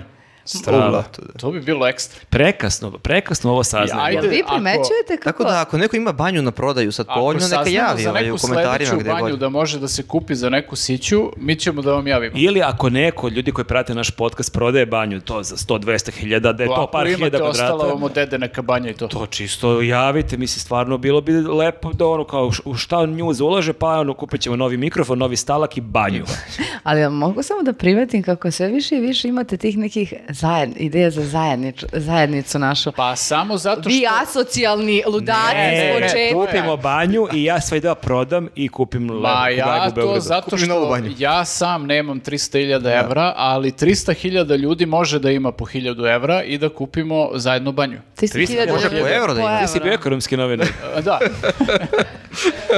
Sledeći neko predstavanje pa pa, tri- Bilbija čekaj, i... pa- Ne, ne, 300 ljudi po 1.000 evra. ali rekao si 300 A, hiljada. 300 hiljada. A ne, izvinite. Da, da. Mada nam je lakši da, na primjer, evo, ne moramo 300.000 ljudi, možemo 150.000 Ne, ne, od ljudi. 300 Po dobre dva, kažeš ne, ne. this is banja. De, 300 ljudi, brate, po 1000 evrića, banja naša, Nemojte znači da se ovako. folirate, vi u stvari volite da smo zajedno i da se družimo. I vi što ste Pa Mi stariji, volimo da investiramo. vi više volite da se mi družimo Ako i da nešto radimo želim, to je da zajedno. zamišljam da budem sa vama u banji. Posle onoga što smo Ima li sa šta tobom lepše? preživjeli u kamperu, to čo- o čemu ćemo da pričamo i vidjet će ljudi, znači Treba nam banja Jeste, za to je živce. sad mali To teaser, zajedništvo. naš Ovo je- sledeći, na- naš sledeći video posljednji ove sezoni je relaks tema o putovanjima, ali kraj tog videa je dosta ovako teško prepričati. Nije baš. Meni je žao, ja sam u mislio da ćemo svakom mi... slučaju, od- ajde da kažemo da a, imamo sreće i mi i vi što smo i dalje ovde sad trenutno. Dobro, a preteruju naravno, kao i uvek. Molim vas, vratimo se na temu. A, Dakle, banja. Dakle, Banja. Ne, ne Banja. Kako ne Banja, šta A, sad? nešto me je mnogo iznerviralo, znači Šta? manite me Banje. Ma Banja je prodata pa je prodata i šta da radimo. Ali, a, ono, Nije nama. Dobar Da, izgovor. ali ljudi, Život je i mene dalje. je jako uznemirila vest da se potencijalno uklanja Bajloni pijaca Zbog toga što ovi planiraju da prave neki metro tu. uh, E, e, a ovo je Plitku sad stanicu licemerno, unutra. pazi. Da. ovo je, Znači, da. Video sam planove. Gde je metro, hoćemo metro, kad će metro, evo ti ga metro, e pa hoću pijacu. Marko, Hoćeš ti pijacu, hoćeš Marko, metro? ja želim metro, ali oni metro grade već koliko god, desetina godina. Ali Ne, evo, konačno došao na red. Evo i sad će da... Ali nemoj da krenu od Bajloni pijace, to je pijaca koju ja Ali volim. negde mora da stane taj metro, ne može samo da a ide bez ja imam stanice. Oma, utisak da- lako će da stane, nek prvo oni izbuše sve tamo, brate. Čuti, mo- sledeća opcija Pazi, je bila da ti sruše Cetinsku. Ja nemam ništa protiv eh, da oni naprave ispod Bajlonija to šta hoće prave metro i taj neki mezanin da bude i to, ali, brate, gore da mi se vrati pijaca kako Pa je Hoćeš to, bilo. moj ali paradajz neće. gde prodaju samo Srbi. Jeste, Što samo kaže, što- što kaže Vuk Kostić. Jel nije zna- krumpir nego krompir. Jel znaš da će da zajebu? Znamo da će da zajebu. Znam To i- nikad neće biti isto. Znam da će da zajebu i ljudi na Dorčulu se već organizuju, između ostalog i ovaj, e- ekipa sa kojom smo sarađivali komšije sa Dorčula već su digli frku i ovaj, bavit će se time. Ajde, vi Dorčel historical, ne sme ništa novo, sve mora da bude historical. Ne Brate, ja mora ću da sa bude palilu hi- da idem da branim Dorčilsku pijesu. Ne Historical mora- metro ma možda. ne mora da bude, brate, historical, nego neću da bude, ne znam kako da ga nazovem, Vesić. Ono, od ali grada. Svaki, svaki grad je postao, ono, svaki deo grada je postao Vesić, deo grada, ono, betončina, samo bez ičega, bez ikakvog smisla. Da. Znaš, baš me to nervira. I Aj, brate, emotivno smo vezani za to. Mislim, a možemo nešto da A ne, ali branimo, zamisli znači da, nam da to. bude lep grad i dođu svi Strigana da žive ovdje. Ovako ti samo grad sjebavaš, budeš to ružniji i niko osim nas ne živi ovdje. Ali mi živimo nesrećni, Darko. Ali nema ovih iz regiona. Pa, d- d- d- okej, da. Mislim, ja stvarno sam ovo vrlo onako emotivno... Možda napravi Vuk Kostić neki zid tu na, na mesto pijace, umjesto betona koji Ne je pomažeš samo- mi, ne pomažeš mi. Prosto... Pa ne znam, Ja sam iz Zemuna bolje Ja ja sam- čuo.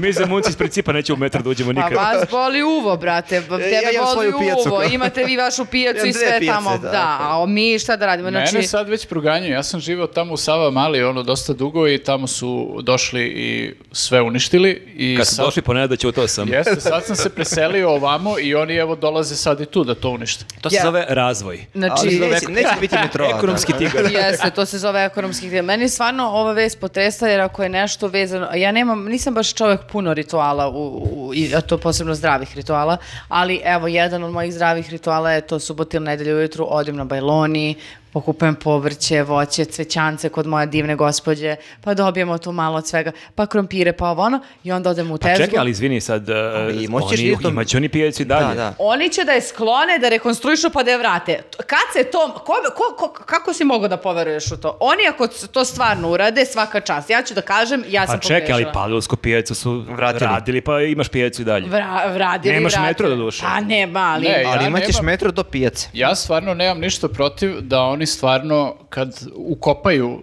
taj metro dole, Šon arhitekta. da, kad ukopaju to što treba da ukopaju, da nam gore vrate pijacu. Ja se plašim da oni neće da vrate pijacu uopšte.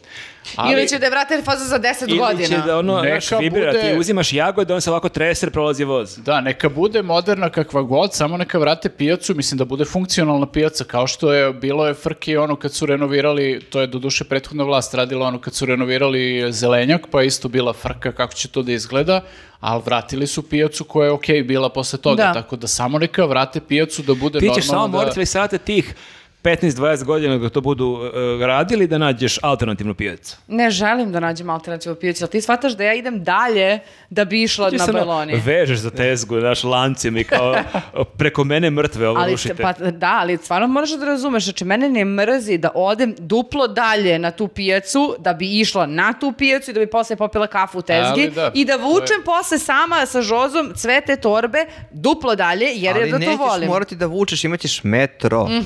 Koji ide Ne, pravo to do je- Mirjeva, pa onda od Mirjeva tražiš bla bla kar do kuće. da, da, da, da. Ne, ja sam samo u fazonu kad sam vidio ono, a koja je realno šansa da ne zajebu ništa? Znaš, upravo. to je Zajebanje ono 100%, što, mislim, što me to- nervira, što je to I prvo koja je što realna pomisliš. šansa da to neće kasniti dve godine? je kasniće i, I u- koja je biće, šansa da će biće metro ikad urađeno, ba- mislim, ja ne znam da li vi vidite Cara Dušanu ulicu koja je renovirana, jel nedavno, to, je, to se raspada ljudi. Mm. Znači, to je popucalo svuda one ploče, to je, znači, ne znam Meni- se... Pa I čekaj, kao- kraljice Marije, izvinite peknem, To, kao- kraljice Marije su isto rekonstruisali nekoliko puta cev poplava svakih nekoliko To meseci. je bukvalno kao da, kao da je stara ulica, kao da Meni ništa nije je renovirano. neverovatno da oni ne uspeju da e, fiksiraju te u tu kaldrmu, te e, ploče, taj deo kao mislim, ne treba budeš ne znam kakav Einstein da umeš da e, smešaš, šta već treba da se smeša, se to zalepi. Ali mislim, ne, ono to- da, ne ali ja- možeš da zalepiš. a, sad sam skoro prolazila preko, a, kod Vuka, onaj plato. I sad a, ploče stoje kao na nekim a, šipči, d- daščicama. I onda kad su upale neke ploče, ti u stvari vidiš da tu rupa, Rupa, skroz. da, I sad negde nije. ali negde... kad nije rupa, to nije Pa to fiksirano. je, to je Jeste, isto ali kao- n- da. negde, znaš, uh, se samo drma, a negde skroz ulegne zato što je dole rupa i onda tu nema sad kao, oni su teli da ga iznivelišu, ali ja To je za metro stanica. Za, to, to je ta, ta stanica koja se zove plitka stanica metroa. Takozva, takozvana plitka. Jer radi- A plitki može umovi, preko tako puta da. da bude i duboka. E, takozvana moonwalk stanica. I ono, ono kao Michael Jackson moraš da se e, Ali nagneš. dobro, ali ako naprave kako treba, kako će posle da se ugrađuju? Znači, napraviš sranje, pa se posle ugrađuješ sto ja puta sam, na ja sam renoviranje, već to je- izneo e, moj recept za rešavanje tog problema. E, Znači, samo ukradite koliko vam treba, nemojte ništa startu. da dirate. To je- znači, samo ne čačkaj ništa, ok, vidite koliko ste namerili da maznete, maznite i ne, ne dirajte. Koliko smo mi duboko istraumirani. Da. Pa kako da nisam, čoveče? Narod, samo uzmi što god želiš. To, naše, pa nema veze, samo uzmi, kradi, ali samo Pa nam Pa evo da ostavi ti, ovo. pogledajte trg, znači pogledajte ovaj, ne, ne trg, e, sam trg, nego ovaj ulica koju su preslagali kocke i to, Mhm. to se sad ponovo raspada, u potpunom je raspadu i to mora ponovo da se renovira. Znači oni su preslagali zato što nije valjalo i sad je to Čovečanstvo gotovo. nije došlo do rešenja kako da se napravi put i kako se napravi trotoar. Nije, to ne, nije, ne, ne, da. ne može. Hiljadama To niko ne godina ume. pokušavaju to ljudi, ali jednostavno ne uspevaju. Da. Nismo još toliko napredovali, da, mora još da se radi. E pa ljudi, kad se već kod, kod krađa, uh, izašla je E, neka... kako povezuješ teme, moram te pohvalim, stvarno. Hvala se. To samo teče. Da, Bape, bape, bape. Znači, kada smo već kod krađe uh, m, bilo čega, uh, stranka Slobode i Pravde uh, je navodno rekao, optužila... Uh, Ne, uh, oni su nije bukvalno ih navodno. optužili. Dobro, oni su optužili da su ovi navodno ukrali. Ja te molim, ili sad, imaš mesec dana pauze da to navodno vidiš kad se obaca i kad se ne obaca. Dobro, znači ovi su stvarno iznapisali na Instagramu alu lopovi, ali kao ne, zato što ste ukrali uh, pet i po kilometara uh, autoputa mira. Pa da, zato što bila je vest kako je otvorena ta deonica autoputa od eh, Merdara do ne znam... Jeste, evo Jarošina, ga ovaj da, Žofre opet. Jeste, i to je... Znači, Samo muzika svuda i se taj vuči se. autoput, Joffre. taj autoput je pet i po kilometara i onda se vidi snimak i ti shvatiš da to nije autoput. Da to je fali put- traka. Fali traka cela, jel? To je, fali cijel jedan, de- jedan deo, znači to je put od tri trake, znači To je sa- magistralni e, put. to magistralni su- put. Znači, To ovo je sam video. magistralni put uh, mira. To sam vidio, Pa ne znam da. ko je napisao, to je samo običan put koji je pogrešno iscrtan. Jo, ja. Kad pogledaš, zaista jeste tako, jer kao, čekaj, autoput mora da ima kao jednu, jedan pravac i drugi I pravac. u okviru svakog pravca po po dve barem trake, dve, da. tri trake sa To čak autostrade, i znači. ja znam, to čak i ja znam. A da vas pitam, Možda je autoput za trotinete. a, prestani, a, nego da vas pitam nešto. Sad ovaj a, čovek što je bio u gostima, Joffre, a, je li on kad sad video taj, kad mu ovi kažu, evo, ovaj najlepši autoput mira koji smo na, ikada videli, napravili, ovaj čovek kaže, brate, da vam Sam- ne fali neka Jesam trava. Ne, ja. ali, znaš šta, oni, Da, Kod nas on je, to je gost, pa je fin. drugačije. Ne, možda su mu rekli da će to da naprave. ono, za Ili deset dana. imaju naš simultanog prevodioca i onda ovaj kad kaže uh, autoput, ovaj mu prevodi magistralni put. A, I onda on misli da se na srpskom to kaže autoput, Da. e, zapravo Jer znači ako je to magistralni. magistralni put, to je okej, pristojan magistralni Ne, put. ali ko korektan. će još da se hvali magistralnim putem, pobogu, pa to je još gore onda. Što ako je lep put? Jer fali nam putevi, realno. A Ali ne ma- znam da li si čula, isto je Vučić rekao da je on izgradio više, to jest e, Da. za njegovog mandata će premašiti, ovaj, e, bit će više, sad još nije više, znači još jedno obećanje. Znači, izgradit će se za njegovog mandata više puteva nego što je izgrađeno za vreme Tita. Tita i A jel on to, I ovih žutih. a jel on to projektuje da vlada još 36 godina? Naravno. Verovatno, Mhm. da. Kao i za platu od 1200 evra uh, 2024. Tako i ovo prosto moraš da se strpiš, da sačekaš, nemoj sad ništa da Ali ovo je vidiš. baš blam, mislim, ne možeš ti kažeš da je ovo otvorena deonica autoputa gdje imaš dve i po trake ukupno. Pa vidiš da može, šta mu teško. Nije, ali moraš nešto da otvaraš, znaš. I To je da, onda da, da budeš u treningu stalno, Nema znaš. veze što nije nešto završeno, ti prosto se praviš lud. Mislim, i ovako kao što nije se inače ceo prave autoput. ludi. I znaš kao, mislim, oni su, kad je dolazio on, znaš, znate, su stavljali one uh, Kulise su bile, cerade da, kao u da Vranju. izgledaju kuće kao da su lepe, a zapravo iza toga ruševina, tako da super je što nisu samo razvukli neku, neku ono sliku autoputa. Neki te ovako. pi, ono iz Ikea za decu Da. što imaš kao ulice E, za, to. za otiće. Ono. Kao i samo slika iz nekog kadra i u fazonu, u što je lepo, ovo je najmoderniji Kako kut lepo u Srbiji. ukorićen ovaj put. Kako lep mekan, baš možeš da ideš bos po njemu, uopšte nije vruće. Nežan, Žopri, znači, žopri, vidi kako ja skakuckam. Žofre, izvuj se, izvuj se. uopšte se ne zagrava na suncu. A, E, Dosta je to mogao. Jako Tako je to- da, zapravo, a, ako p- gledamo recept ovog e, gospodina Bilbije, mi smo u stvari dobro prošli ovaj put kida, u stvari, stvarno su mogli da isfikuju da je tu put. Jer, a jer da imaš pazi, ceo autoput, onda ćete nagradu svi iz regiona se voze Da se autobusom. Doći će- voze automobil. Tako i Albanci- iskapaju, da ga Albanci iskapaju. će doći i kupovaće našu ono jeftinu hranu. Da. Jeste, pa vidiš šta smo mi uradili Hrvatima sa autoputem. Oni moraju sad da ga rekonstruišu sve jest. sezone jer smo ga mi toliko akali. Tako da nije baš... Nije dobro imati autoput. Nije. Uopšte nije dobro. Ceo autoput. Čekaj, ali samo ta- ova traka, jel e, to kao u jednom smeru se samo putuje ili oba smera? Ti si O- baš frapiran.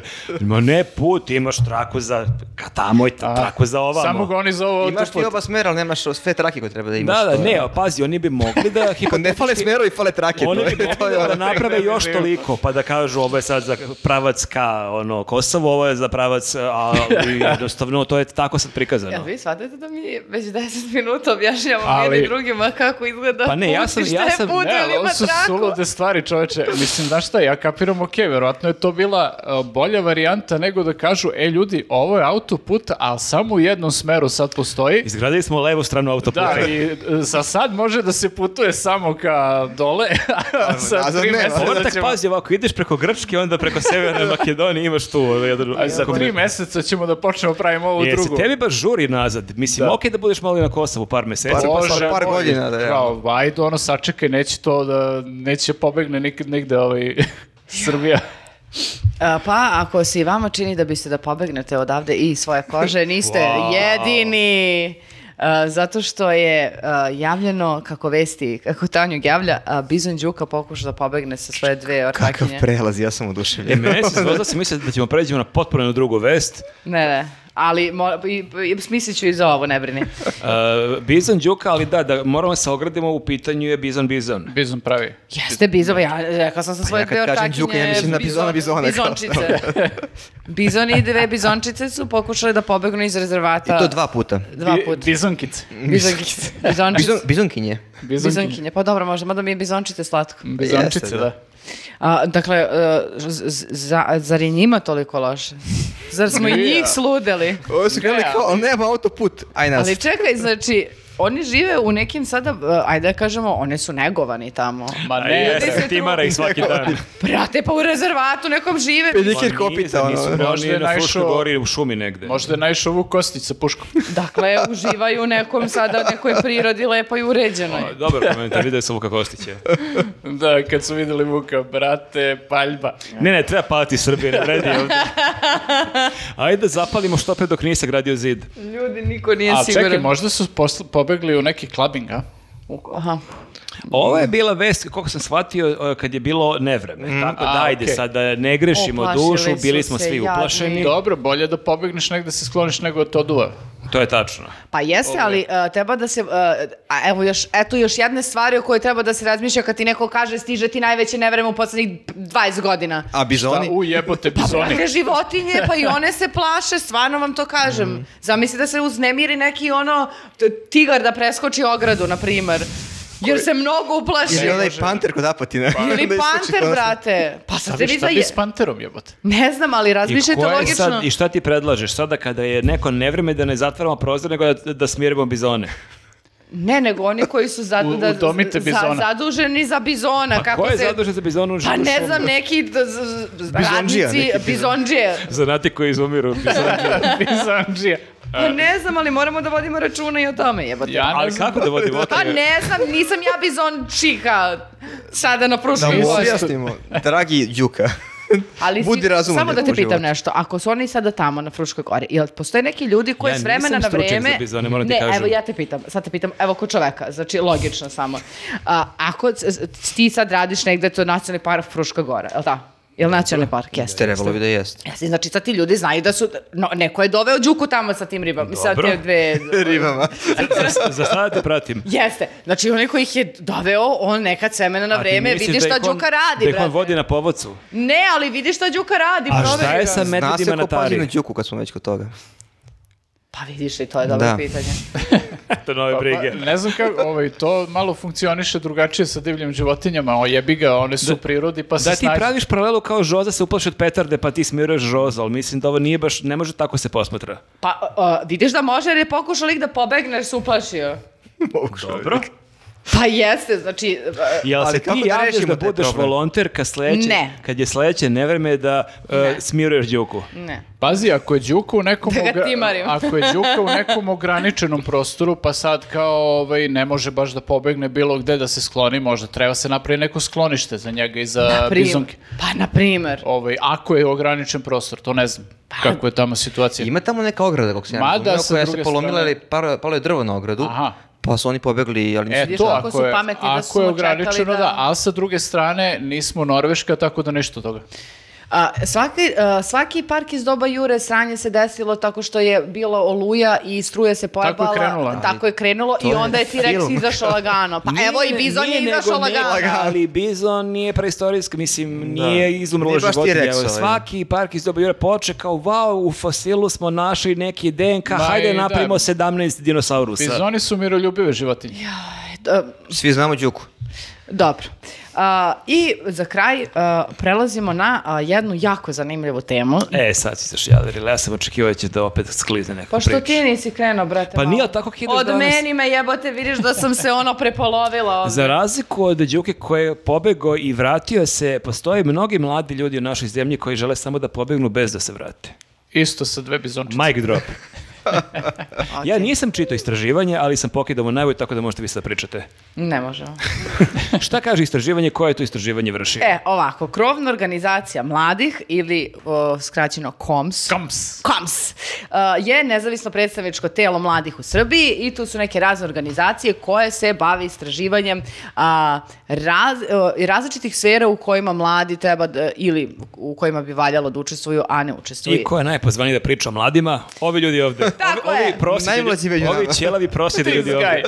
E da, vidiš, uh, oni su sad uh, razne neke fokus grupe tu odradili, uh, online upitnik za mlade i tako dalje i dobi- mi smo dobili rezultate. Koji Uh, nisu dobri. a, Ne, nisu dobre, to je stvarno tačno. A, mislim, dobro su ljudi odradili istraživanje, nego ne, ne piše nam se dobro. Nego to- nisu dobri mladi. Tako je, nisu nam dobri mladi. Mi ćemo da se bavimo u o, ovom podcastu o odnosu e, između mladih, države i politike. A, Ovo izlazi 2. avgusta, a 11. avgusta će na kom sajtu i na kom s e, društvenim mrežama biti premjerno svi, a, svi podaci. Na tako. kom Živ, sajtu? živ nisam. na kom sajtu, na kom sajtu? E pa to, evo, imamo slogan. da- Ne, ne, ne. Šta kažu, šta kažu ma, mladi? Pusti me ti datuma i njima- najava. Šta, šta njih mladi tišti, šta hoće? ih tišti, šta šta, im njima smeta? smeta u ovoj zemlji? Evo, Nešto da vam što je kažem. Đuki smeta ili E, šta mi prvo ide na živce se plaše ovdje? gromova? Evo ovako, pa... e, Šta mi prvo ne, ne, ide ovo na mi je živce? naj... To je dobar uvod. a, pa- Znate kod je najmlađe, najviše mrzi mlade. A, a, Evo čućemo i Nenada šta on misli. Znači, brate, evo, neću sad uopšte da pričam o, odnos o- između države i politike, to ćemo posle. Spoljna politika.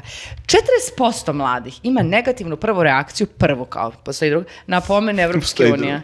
16% ima pozitivno, a 44% neutralno. 40%. 44 Kao na švajcarci Bemliga. smo, čoveče. Gledaju mladi Švajcarska. happy, to je.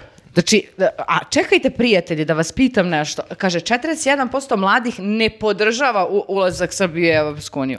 A šta podržava? Ne znam. Hoćete u BRICS, ne razumijem Evo, sad ću šta. da ti kažem šta podržava. A, a, 28% a, smatra da Srbija treba da se osloni na Srbiju i Kinu. To, Do- koliko je? 28%? Na Rusiju ili Na Rusiju i Srbiju? Kinu. na Rusiju i Kinu, evo. A, rekla si A Srbiju. dobro, šta je? Izvini. Aha, okej.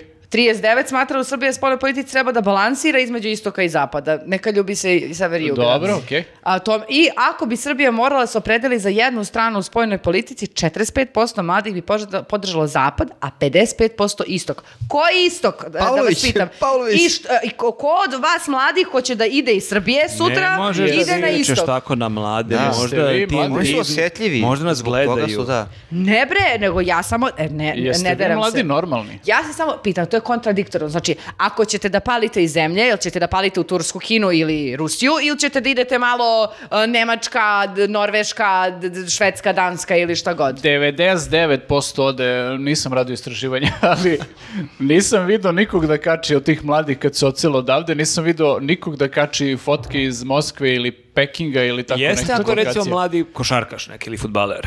To mogu Znači, da... za njih je ono, To okej. je, to je drugačije, ako, mislim, ide za neki klub da Njih igra... niko i ne pita ništa, njih samo Da, pošalje tamo. ali ovi što kao hoće da, da završe jel, fakultet i da pale, što bi rekao Megatrend, i da jel, budu plaćeni normalno i da žive u nekom normalnom sistemu, ne idu u Severnu Koreju, Pa to me- nego idu na zapad. I to se nama ne isplati, jer ako nas gledaju iz Severne Koreje, nama je to baš jako ništa ne znači. Nama Mm. je mnogo bitnije ako će ljudi da se već seli iz Srbije, da idu u neku zapadnu Evropu, jer taj njihov pregled na YouTube-u nama mnogo više para donosi nego tamo da idu u neku Moldaviju. Pa, d- d- i, i to, i to. Ali, mislim, odu da rade, zato što, evo, kaže ovdje istraživanje, 64% mladih ne radi na poziciji za koju se školovalo. Pa I ne to je radim ni ja. zaista... Pa- Pa, pa mislim... jel kukam? Pa vidite E, decu Ja sam se sad. ja školovao za podcastera, molim lepo nisam. Nisi, ali... Ja sam se tako prirodno rodio. Mene niko nije ni pitao kad sam bio mlad. Dobro, ali da vas pitam nešto, 64% je stvarno ogroman broj mladih ljudi koji ne radi, na, mislim, zamisli sad da odrastaš u nekom okruženju Ali- u koje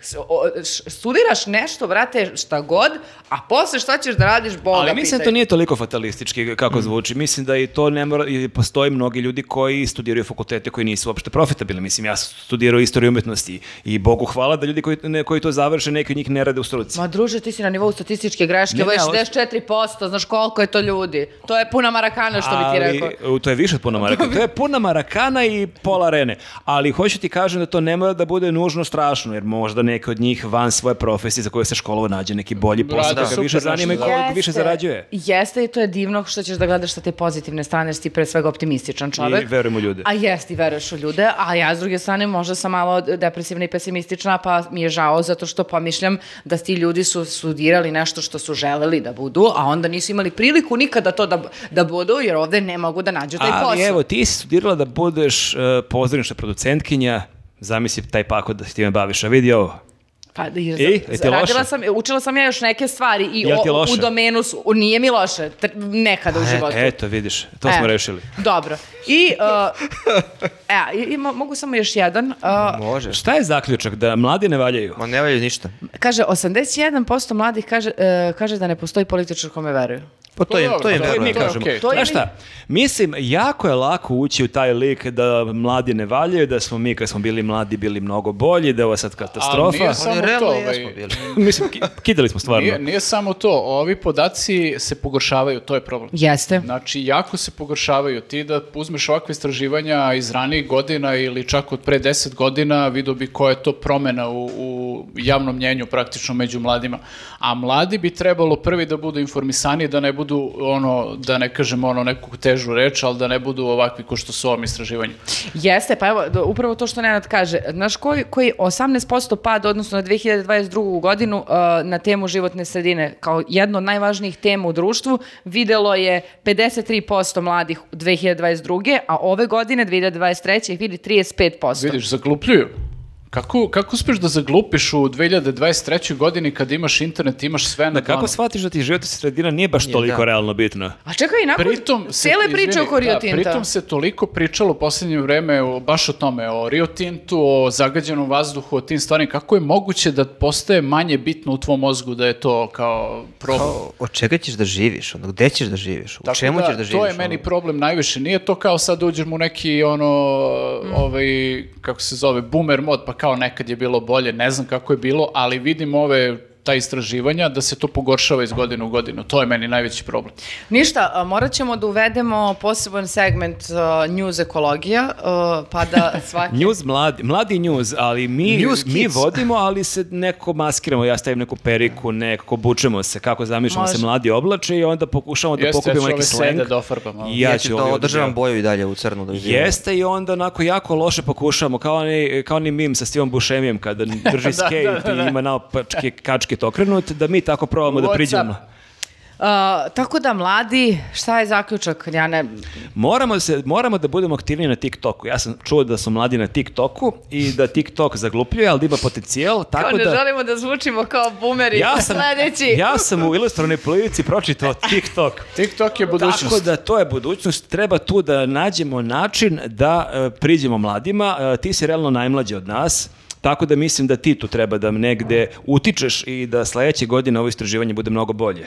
Drago mi je što polažeš toliko, e, e, ono, Za 5% da bude bolje, pa smo... Ti si uradili ubedljiv nešto. da je najmlađi, moram ti kažem. Da. Tako da prećiš ti da se obratiš mladima nego gle- gledaj nas na, na što ličimo realno. što pa, mislim, što ne... To ne- na šta ličimo, pa šta im fali? Dobro, evo ti Darko, evo vas dvoje. Darko, ti možeš da se obratiš mladima, zato što ne znam, brate, ne mogu ja da se obraćam i- i- sama, hoću zajedno.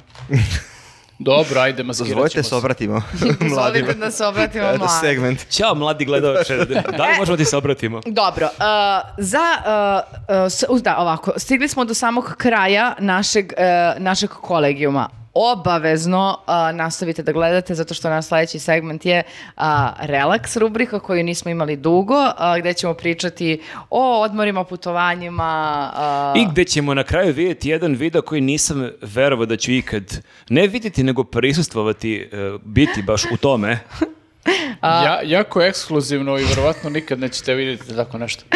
Eto, i naravno Patreon Ana Grozdanović. Jeste, i z- dakle se pozdravimo, mi o- idemo sada stvarno, idemo na odmor, mi najavljamo te odmor već neko vreme i vraćamo se, prvo se vraća popkast nekog 3. septembra, a onda recimo 5. septembra se vraća news podcast. E, jeste, ja sam sad malo se e, zbunila s tim datumima. Mislim da je 3. i 5. septembar, početak- nije E, bitno. četvrti, Sam šesti, ja početak mislim. Ili septembra. četvrti, šesti Tako, možda. da. ok. Četvrti i šesti. Četvrti, šesti. Četvrti i znači šesti. prvo popkast i to nismo tu Nenad i ja, ali imamo dva vrlo ekskluzivna i zanimljiva gosta, nećemo da otkrijemo Nećemo, ko. nećemo, nećemo. I posle smo dva dana kasnije u podcastu i vidimo se nakon pauze. Ćao. Ćao. Ćao, ćao. Što ja? Može. Ajmo. U tebi je još ostalo snage. Ćao ljudi. Ćao ljudi. Ćao.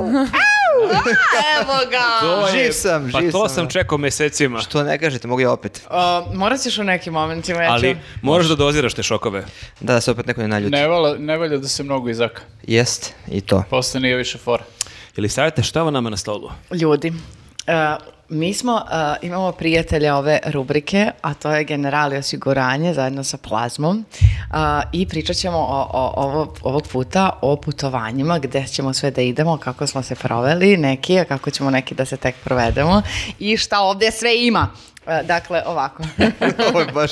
Jel si ti e, krišom otvorila to i pojela nešto? Samo te pitam dok smo mi bili tamo u drugoj sobi. Nešto mljacka. Mm. Mm, Mlja, mlja, mljac, mljac, ali nisam još uvek, ali hoću. Dakle, što, o čemu se radi? Ovo su dva koferčeta od 300 i od 450 grama plazme, u kojima se nalazi voucher, u svakom koferčetu se nalazi po jedan voucher, a, u- sa QR kodom. Taj QR kod skenirate i on vodi na stranicu Generali Shopa gde dobijate kod za popust. Ako idete na putovanje, vi lepo možete da kupite uh, uh, Generali osiguranje i da dobijete 20% popusta zajedno sa ovim koferčetom. Samo mislim da, e, da je dva puta 300 grama i tri puta 150 grama. Da.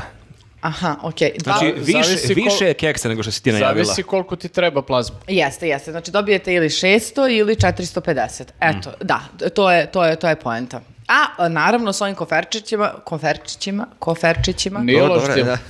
a, možete učestvovati i u a, Plazma nagradnoj igri. Ostavit ćemo link u opisu ovog videa. A I na premija kraju ovog- je- Molim? I na kraju ovog videa ćete vidjeti šta je Šta je glavna premija. premija, da. I ne Yes. samo što ćete vidjeti šta je glavna premija, nego ćete vidjeti e, je li savjet u jednom izdanju kojem nismo ni mi verovali da ćemo vidjeti. Nisam ni ja verovala, ali ja sam se ohrabrila. Ja sam Možda i ve- previše. Jeste, to je tačno. Ja sam mm, nekako mm, verovala u sebe, možda i previše. Previše sam. Ne, možda, upoznanje. sigurno si vjerovala previše, ali... da. Previše sam verovala u sebe, jeste, i nekako sam želela, eto, što bi rekao Grafo, da napravimo neki video za istoriju. Mislim, taj video bi svakako bio za istoriju i to samo katastrofalnu Da. I za, istoriju. za vešto pamćenje. Ukratko, koleginica naša koja ima položenu e, vozačku dozvolu B kategorije, ali nije sela i nije vozila 10 i više godina, Jeste. je koja ne znam da li bi, bez uvreda, ali ne znam da li bi auto auto umela da isparkiraš, je došla na ideju zašto ja ne bih vozila ogrom kamper.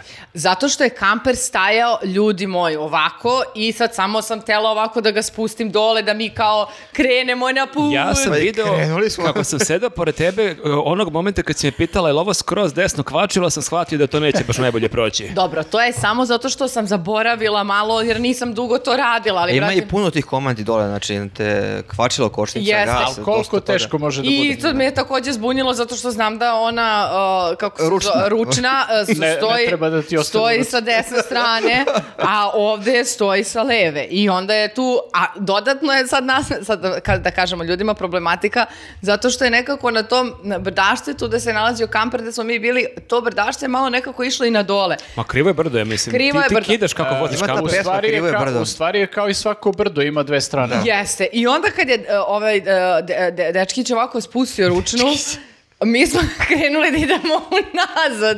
Umesto unapred. Umesto unapred, jeste. Ja nisam mogla da se snađem, odmah kvačilo prva, gas, ovo, ono, da, da, da. Možda zato što ne znaš da voziš, da je to i to je sasvim okej ne znati. Jeste. Nenad ne zna da vozi, Nenad nije bio pozvalo, dajte mi da vozim ja i ne kamper. pokušavam, da. Ali ja zato što je- ja d- d- negde duboko u sebi verujem da bi ja... To je Treba- pro- treba verovati. to je Sve u problem. glavi, To je u glavi, problem da. life coacheva. Suviše olako smo počeli da verujemo da svi sve možemo. Ne može tako Jel ti stvarno misliš da ja verujem life coachevima? Pa ali meni je taj pa si sama to, to sebi life tvoje coach. samopouzdanje je bilo potpuno genijalno. Pa Bez zato što- ikakve osnove. Pa dobro, zato što kao nije, t- u suštinski nije to toliko teško, čoveče, samo Ako znaš da- kvačilo, ako znaš gasi da i voziš, nije kreneš. teško. I kao ja nisam planirala da nas vozim sad kroz ceo Beograd, nego bukvalno samo da nas Pa spustim malo na je faro put. da temo niste ja Ali posle me tako spičio s- e, ono stres kad sam shvatila u kro- u- u što sam sve mogla da nas uvalim. Šta smo preživeli I da danas? upropastim, a pritom nismo se još uvek e, osigurali, nismo krenuli da, skeneramo QR kodovi i Ali tako da, dalje. u svakom slučaju, ako budete dobili na nagradnoj igri ovaj kamper, da znate, nema nikakvih oštećenja, sve je ok. okay. Jeste. Nema oštećenja i druga e, važna stvar, ako dobijete kamper, e, čestitamo, ali ako ne znate da vozite, m, nije loše da prvo naučite da vozite. Dakle, nije to e, sve u glavi. Ili Da, nađite to- nekog Ako ko verujem zna. u sebe, ja ću znati da To ga je dobar vozim. savjet za vožnju kampera. Naučite prvo da vozite. Dobro, ali svakako uh, skenirajte QR kodove i kupite putno osiguranje, zato što čak i da sve prođe super sa kamperom ili autom, uh, možete ako idete po nekim stenčugama da se okliznete, padnete i po, po, posečete i onda možete lepo sa osiguranjem da idete i da rešite to. Na primer, ja sam to sad kad smo išli i dva dana na Krk uh, u- uplatila za ne daj Bože. I Teja isto i naša drugarica Jovana. Jer mislim nikad... I Još neka drugarica. Jeste, Ove brate, ostaje ni- drugarice, ali ne Dragan? plaćaju. a Dragan nije Dragan išao s nama, nije Dragan išao s nama, ali samo da vam kažem nešto. A, mogla sam na Krku, a, na Krku sam mogla da budem hospitalizovana u jednom trenutku, ali zbog nervnog sloma. A, zato što smo bile, u, s- kao ajde posjetimo stari grad i mi se sad šetamo i ja gledam razne neke Je li savjeta vidi kamper? ne, i ja sad gledam ključevi. neke razne table i sad tu piše ovde je bilo ovo, ovde je bilo ono i u jednom trenutku kao Venerin hram ogromna tabla. I ja čitam i tu u stvari je vrlo velika retkost da se uopšte tu kao nalazi Venerin hram, jer da bi s- s- postojao taj hram moraš da dobiješ dozvol, ima ih svega deset na svetu. Dakle, ti sada čitaš da je nešto v- ono vrlo veliki kuriozitet. Ja sam u fazonu, da, da, okej, g- gde je, g- gde je to? I Što sad ono, kako- neki ono, temelji se samo vide. Znači, to je sad kućica na kojoj... Samo k- komarca dobijem. A, znači, to je sad Koji ku- si ti, Janić? kućica o, i ovako o, tabla i tu je sad neka kao radnja. I ja sad mislim, ta kućica je t- kao neki ostatak nekog hrama, jel te? I onda vidim, nema, ovamo skrenem, neki drugi put, neki kao neki luk, neke nove, neka... I kao nema, nema, gledam, gde je, gde je. I u jednom trenutku ovako pogledam. A sad ovako, radnja nije ni Beosport, nego neki, uh, ne, ne- ne znam, ono, đak otprilike, znači đak sport, uh, pomešan s kinezima. A ovako na podu od pleksiglasa urađen kao providan jedan, jedna kocka i tu se nalazi stub. I to je Venerin hram. U, ali bi se ti razočarala da vidiš Golgotu u Jerusalimu. Brate, ali čekaj, kao i- imaš uh, kuriozitet, znači tu se na tom ostravu nalazi, nema nigde deset na svetu, na svetu deset komada ima toga. Da, ovo se I ti- nalazi samo na jednom mestu. I tabla je toliko velika i ovde i iznad Ta ovako. Da, tabla je veća od tog stuba. Ma ne, stub je veliki, ali kao jed- ti ne, ne možeš da, nije čak ni strelica, gledaj na dole tamo, pa kao ćeš ti da vidiš, nego kao d- tražiš gde je d- s- hram, a kao opet hram, veliki treba da bude hram. zar Tad su ne? bili mali I ljudi. E, da, ti si tada. zbog toga hospitalizovana. Mogla sam da budem hospitalizovana. Znate li koliko sam ja popizdala? A Pa ja da, sam jel- dva dana Da li bi pričala o tome. osiguranje pokrilo tvoj nervni slom i sad da mi baš radim. objašnjavaš da si imala nervni slom jer je Venerin hram bio manje nego što si mislila da će I biti? pored Jack Sporta. A, Venerin hram nije manji nego što sam očekivala. On je prekriven đak sportom, razumeš? Znači, kakav je to odnos prema kulturnom nasleđu, čoveče, da samo staviš neki pleksiglas i da se vidi od ono japanki i kupaći kostima. A jesi kupila neke dobre patike? Nisam. Ne Nije znam, bilo popusta. ja te razumem, ja sam e, na maturskoj ekskurziji smo išli u Grčku i bila je priča, evo tu je, idemo Termopilski klanac, Leonidin spomenik i dolazim, nigde nema nikakvog klanca, znači je kao livada. I kao šta je, Mhm. Gde je šta je ovdje bre klanac? ovo? Pa kao bili su to tektonski neke poremeće i zemljotresi, Izravnalo i se. to se je iznivelisalo vremenom, a kao evo tu zamisli, tu su se oni provukli, a ono livada. Ali dobro, makar ti neko kaže, evo ti tu zamisli, stani tu pa kao... Pa za- ti zamišljaj hram. Ali niko mi nije napisao na tabli zamislite hram, nego je rekao ovde je Venerin hram i ti si u fazonu pa dobro gde je čovječa, lična ulica, znači ne može da bude e, 300 metara gore, nego k- kod svećenika, znači tu je, tu je, ali ne vidiš ga. Ja sam se vrtela nekoliko puta u krug da bi na kraju videla da je to, evo ja mislim da imam neku sliku očajnu, da je ovde tako samo kružića i stoji i to je to. Pa da, kao, Dobro. ne ponovilo se nikom. Ja ti kažem, e, e, ti se zajebavaj sa Kad si mnom. kad gostiš kod Marića, ono, Ali životna meni priča. je, pri, Ispovest. meni je Ispovest. pritisak e, jako skočio za to. Mnogo sam se E, Vanja bila Bović je iznervirala. nova sezona bisera i Elisaveta priča o Venerom hramu. Ja sam bila iskreno Kako iznervina, nisam a vi se videla Venerin da. zajebavajte. hram? Ali dobro, eto. Znači, ne bi prepor... ako neko ide na krk, ono, diskulirate Venerin hram. Venerin hram nema, pa nema, nema šta da vidi. Pa i kako Nema, nema, pa đak je tu. pa do- osim ako hoćeš da pazariš To je, da, japanke to je i u kupaći stvari neki- kosti. Treba ti da mora više japanke nego hram, realno. Da, to je neki u stvari hramičuljak. Hramičuljak, pa to je kao oni Venerin stubovi, Bregić. e, kao oni stubovi koji su e, otkrili kad su e, pravili Rajićevu, da. koji su neki ono... n- n- Super bitni, da. Da, da, da, da, ali kao što ćemo da imamo svima, postavimo neki pleksiglas preko što dođu, a prođu ljudi malo vide. Pa, Staklo, šta?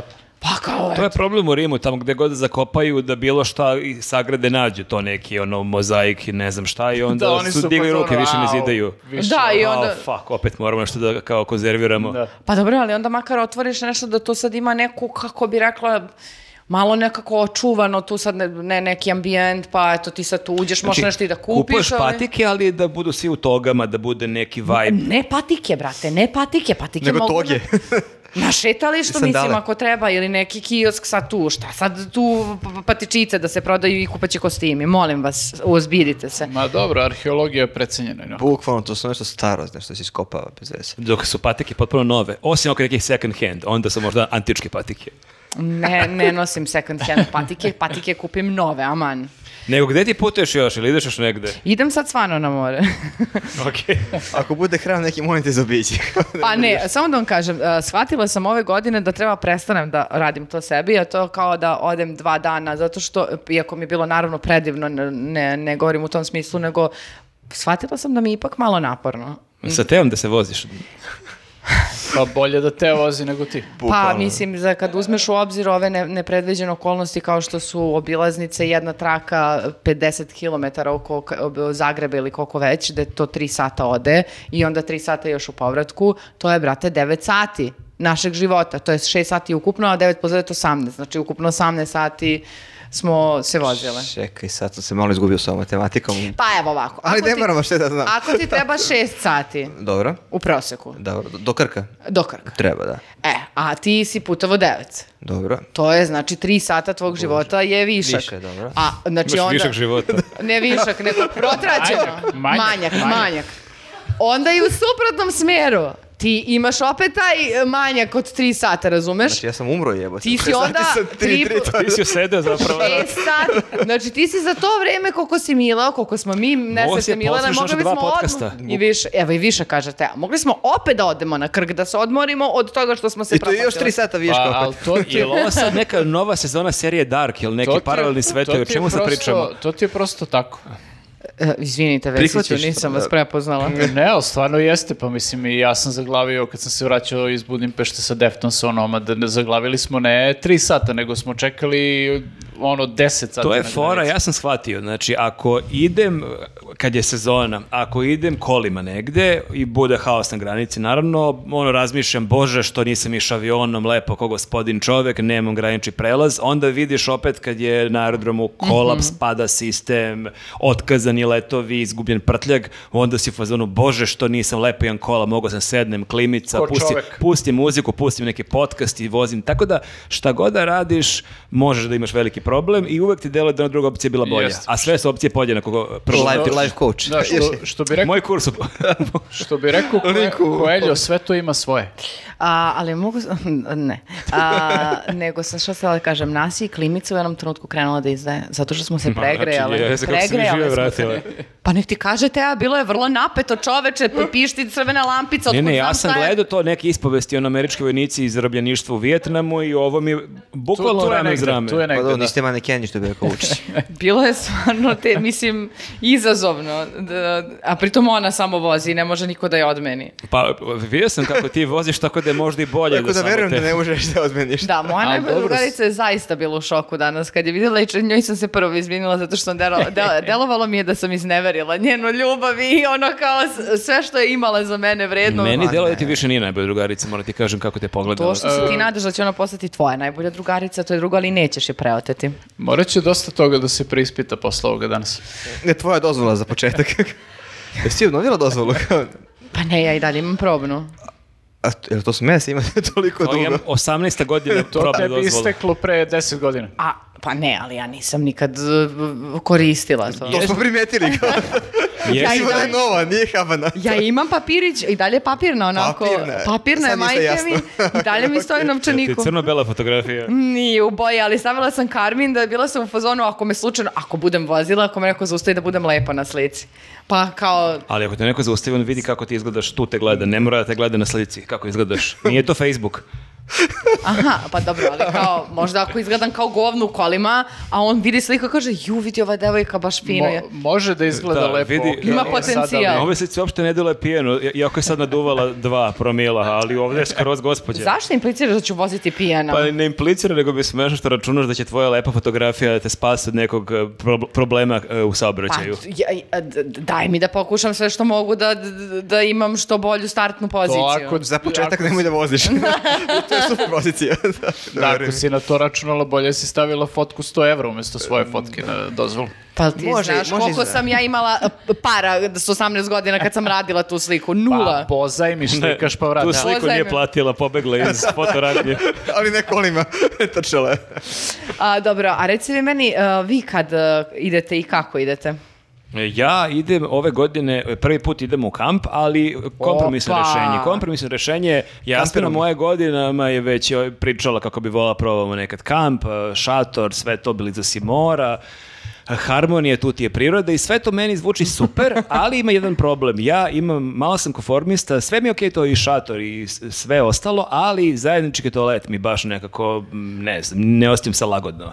Pogotovo to kad se probudim u četiri ujutru, kao ću već, sad ja treba da idem tamo kroz kamp i da tražim zajednički WC. da Ali su tražim- lepi ti u kampovima, ja sam bio, na Krku sam baš To ti je bio u ko na zajedničkom WC-u i tuširao sam se i baš, baš je bio čist, onako, baš je bilo prijatno. Ma ne, verujem da je to čisto, ne mislim ja da je to sad, da su to ne znam šta, kako blato. Ali ne znam. mrzite da sad hodaš kroz šumče i da... Pa ne, ali malo kad je zajednički već je to asocijacija da nekako da... Malo ti je da. odmah nelagodno, da.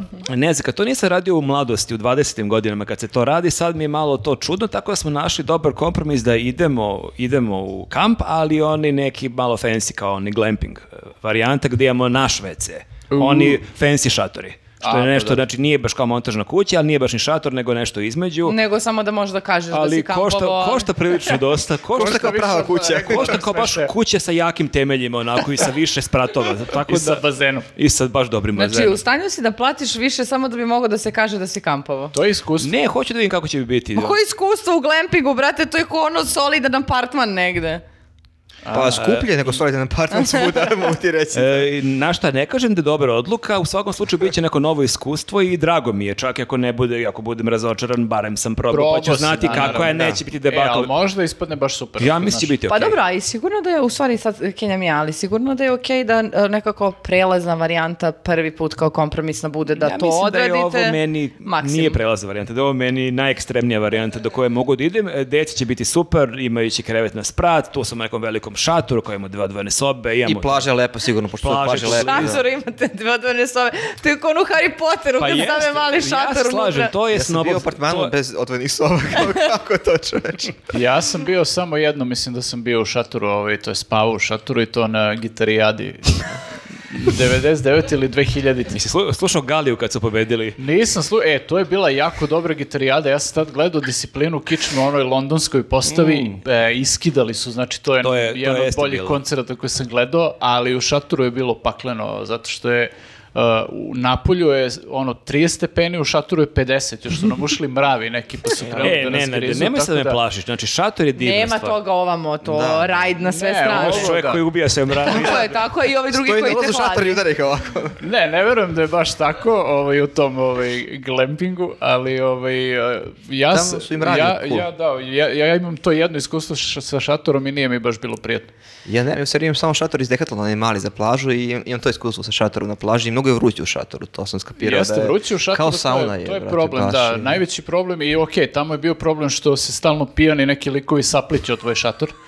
Ovaj, to, A to mislim Nenad kao- ovako kao Zvuči do- glisti, kao mumija. Dosta ona. problema, morate kažem. To mislim da neće da bude tamo, nadam se. ono, Da, barovi ovo- ovo pijani. nije festivalsko, je baš kao porodičan Ne, kamp. ovo je havarija, razumeš, mislim, bukvalno ljudi ne vide gde idu, ono, dođu nevideli sa koncerta. Čekaj, da si ti stavio čovječe svoj šator? Ne, mi smo stavili... Pa, Pred binu. Fun pit. Ne, nema veze gde ti staviš šator, mi smo stavili tamo gde je propisano, ali ovi ljudi ne idu gde je propisano, tako da... Aha, ljudi su krivi. Uvek se druge krivi, Nenade. Nikad ti Jesu, nisi kriv. nažalost, pa pijani ljudi jesu, mislim. A kad- Ka- kako daš, šta si fali izdržao, kako si izdržao mrave? A, pa izdržiš sve zato što mlad si tad, znaš, mi smo tad Znači, bili šta ću još pijan? mladi i kao sve, sve lakše podneseš i sve A ti sve je super lako kad si mlad, ne znam da li znaš. Sve je zabava i sve ti super, tako da mislim ti mravi su bili malo onako dosta suporni, pa smo posle kupili nešto, pa smo prskali tu. Čekaj, Bili ti su si i- dva dana spavao tamo? Spavali smo mi celu gitarijadu, tamo ne znam koliko je bilo, četiri dana. To ti zvuči kao dobar početak psihoterapije. Sve je Da. počelo kad sam spavao celu gitarijadu u šatoru sa mravima. Majko sveta. E, zapravo, ovaj, e, najstresniji moment mi je bio kad je ovaj, moj drugar, tadašnji, sadašnji kum, hteo da peglamo šatorsko krilo pre polaska. Mi smo ga gledali onako, fazonu, "Jesi ti normalan, brate, pegl- da peglamo šator. Dobro, Ovaj, zašto? Šta je opravdanje? E, samo da je bude hteo- lep. Samo je hteo da izgleda lepo šator. Ali ne, devojke kad vide da Pa imaš super ispeglan si kuma, šator... Pa na, da, to obećava. super si kuma našao. Evo, Čekaj, brate, ili uopšte. On je- imaš 20 godina i sad muvaju te dva tipa u kampu. Jedan ima onako baš izgužan šator, a drugi A ovo je ono, sve pod opeglano, konac. brate, znaš A, kako. I Ne. vidiš, već, već se predomišljaš. Da, da. Ne, nismo ispeglali šator, ali, ali, ali... Znači ništa od riba. Ništa, da.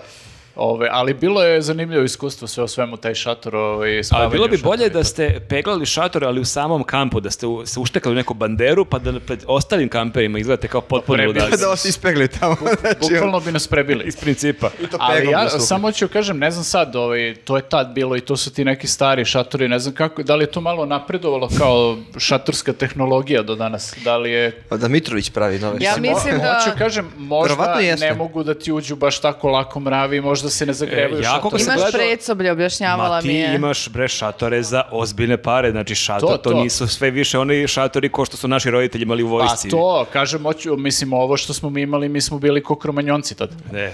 Tako Da, ja sam, da- Verujem da je to napredovalo malo. Ja, me- mene isto to m, privlači s jedne strane i da, ako se možda zabodeš negde u šumicu pa kao onda ne bude Mm. toliko vruće ujutru, nisi direktno na suncu kao na plaži. Ali moram da vam kažem da a, sad sam bila na Koponiku tri dana, a, a, neka trka je bila tu pa sam ja a, bila moralna podrška naravno. A, i, E, Joko učestvovala pa si. normalno. Ali što sam šetala, znači imam upalo mišića i dalje. Ti I, si u- umorniji od onih koji su se trkali.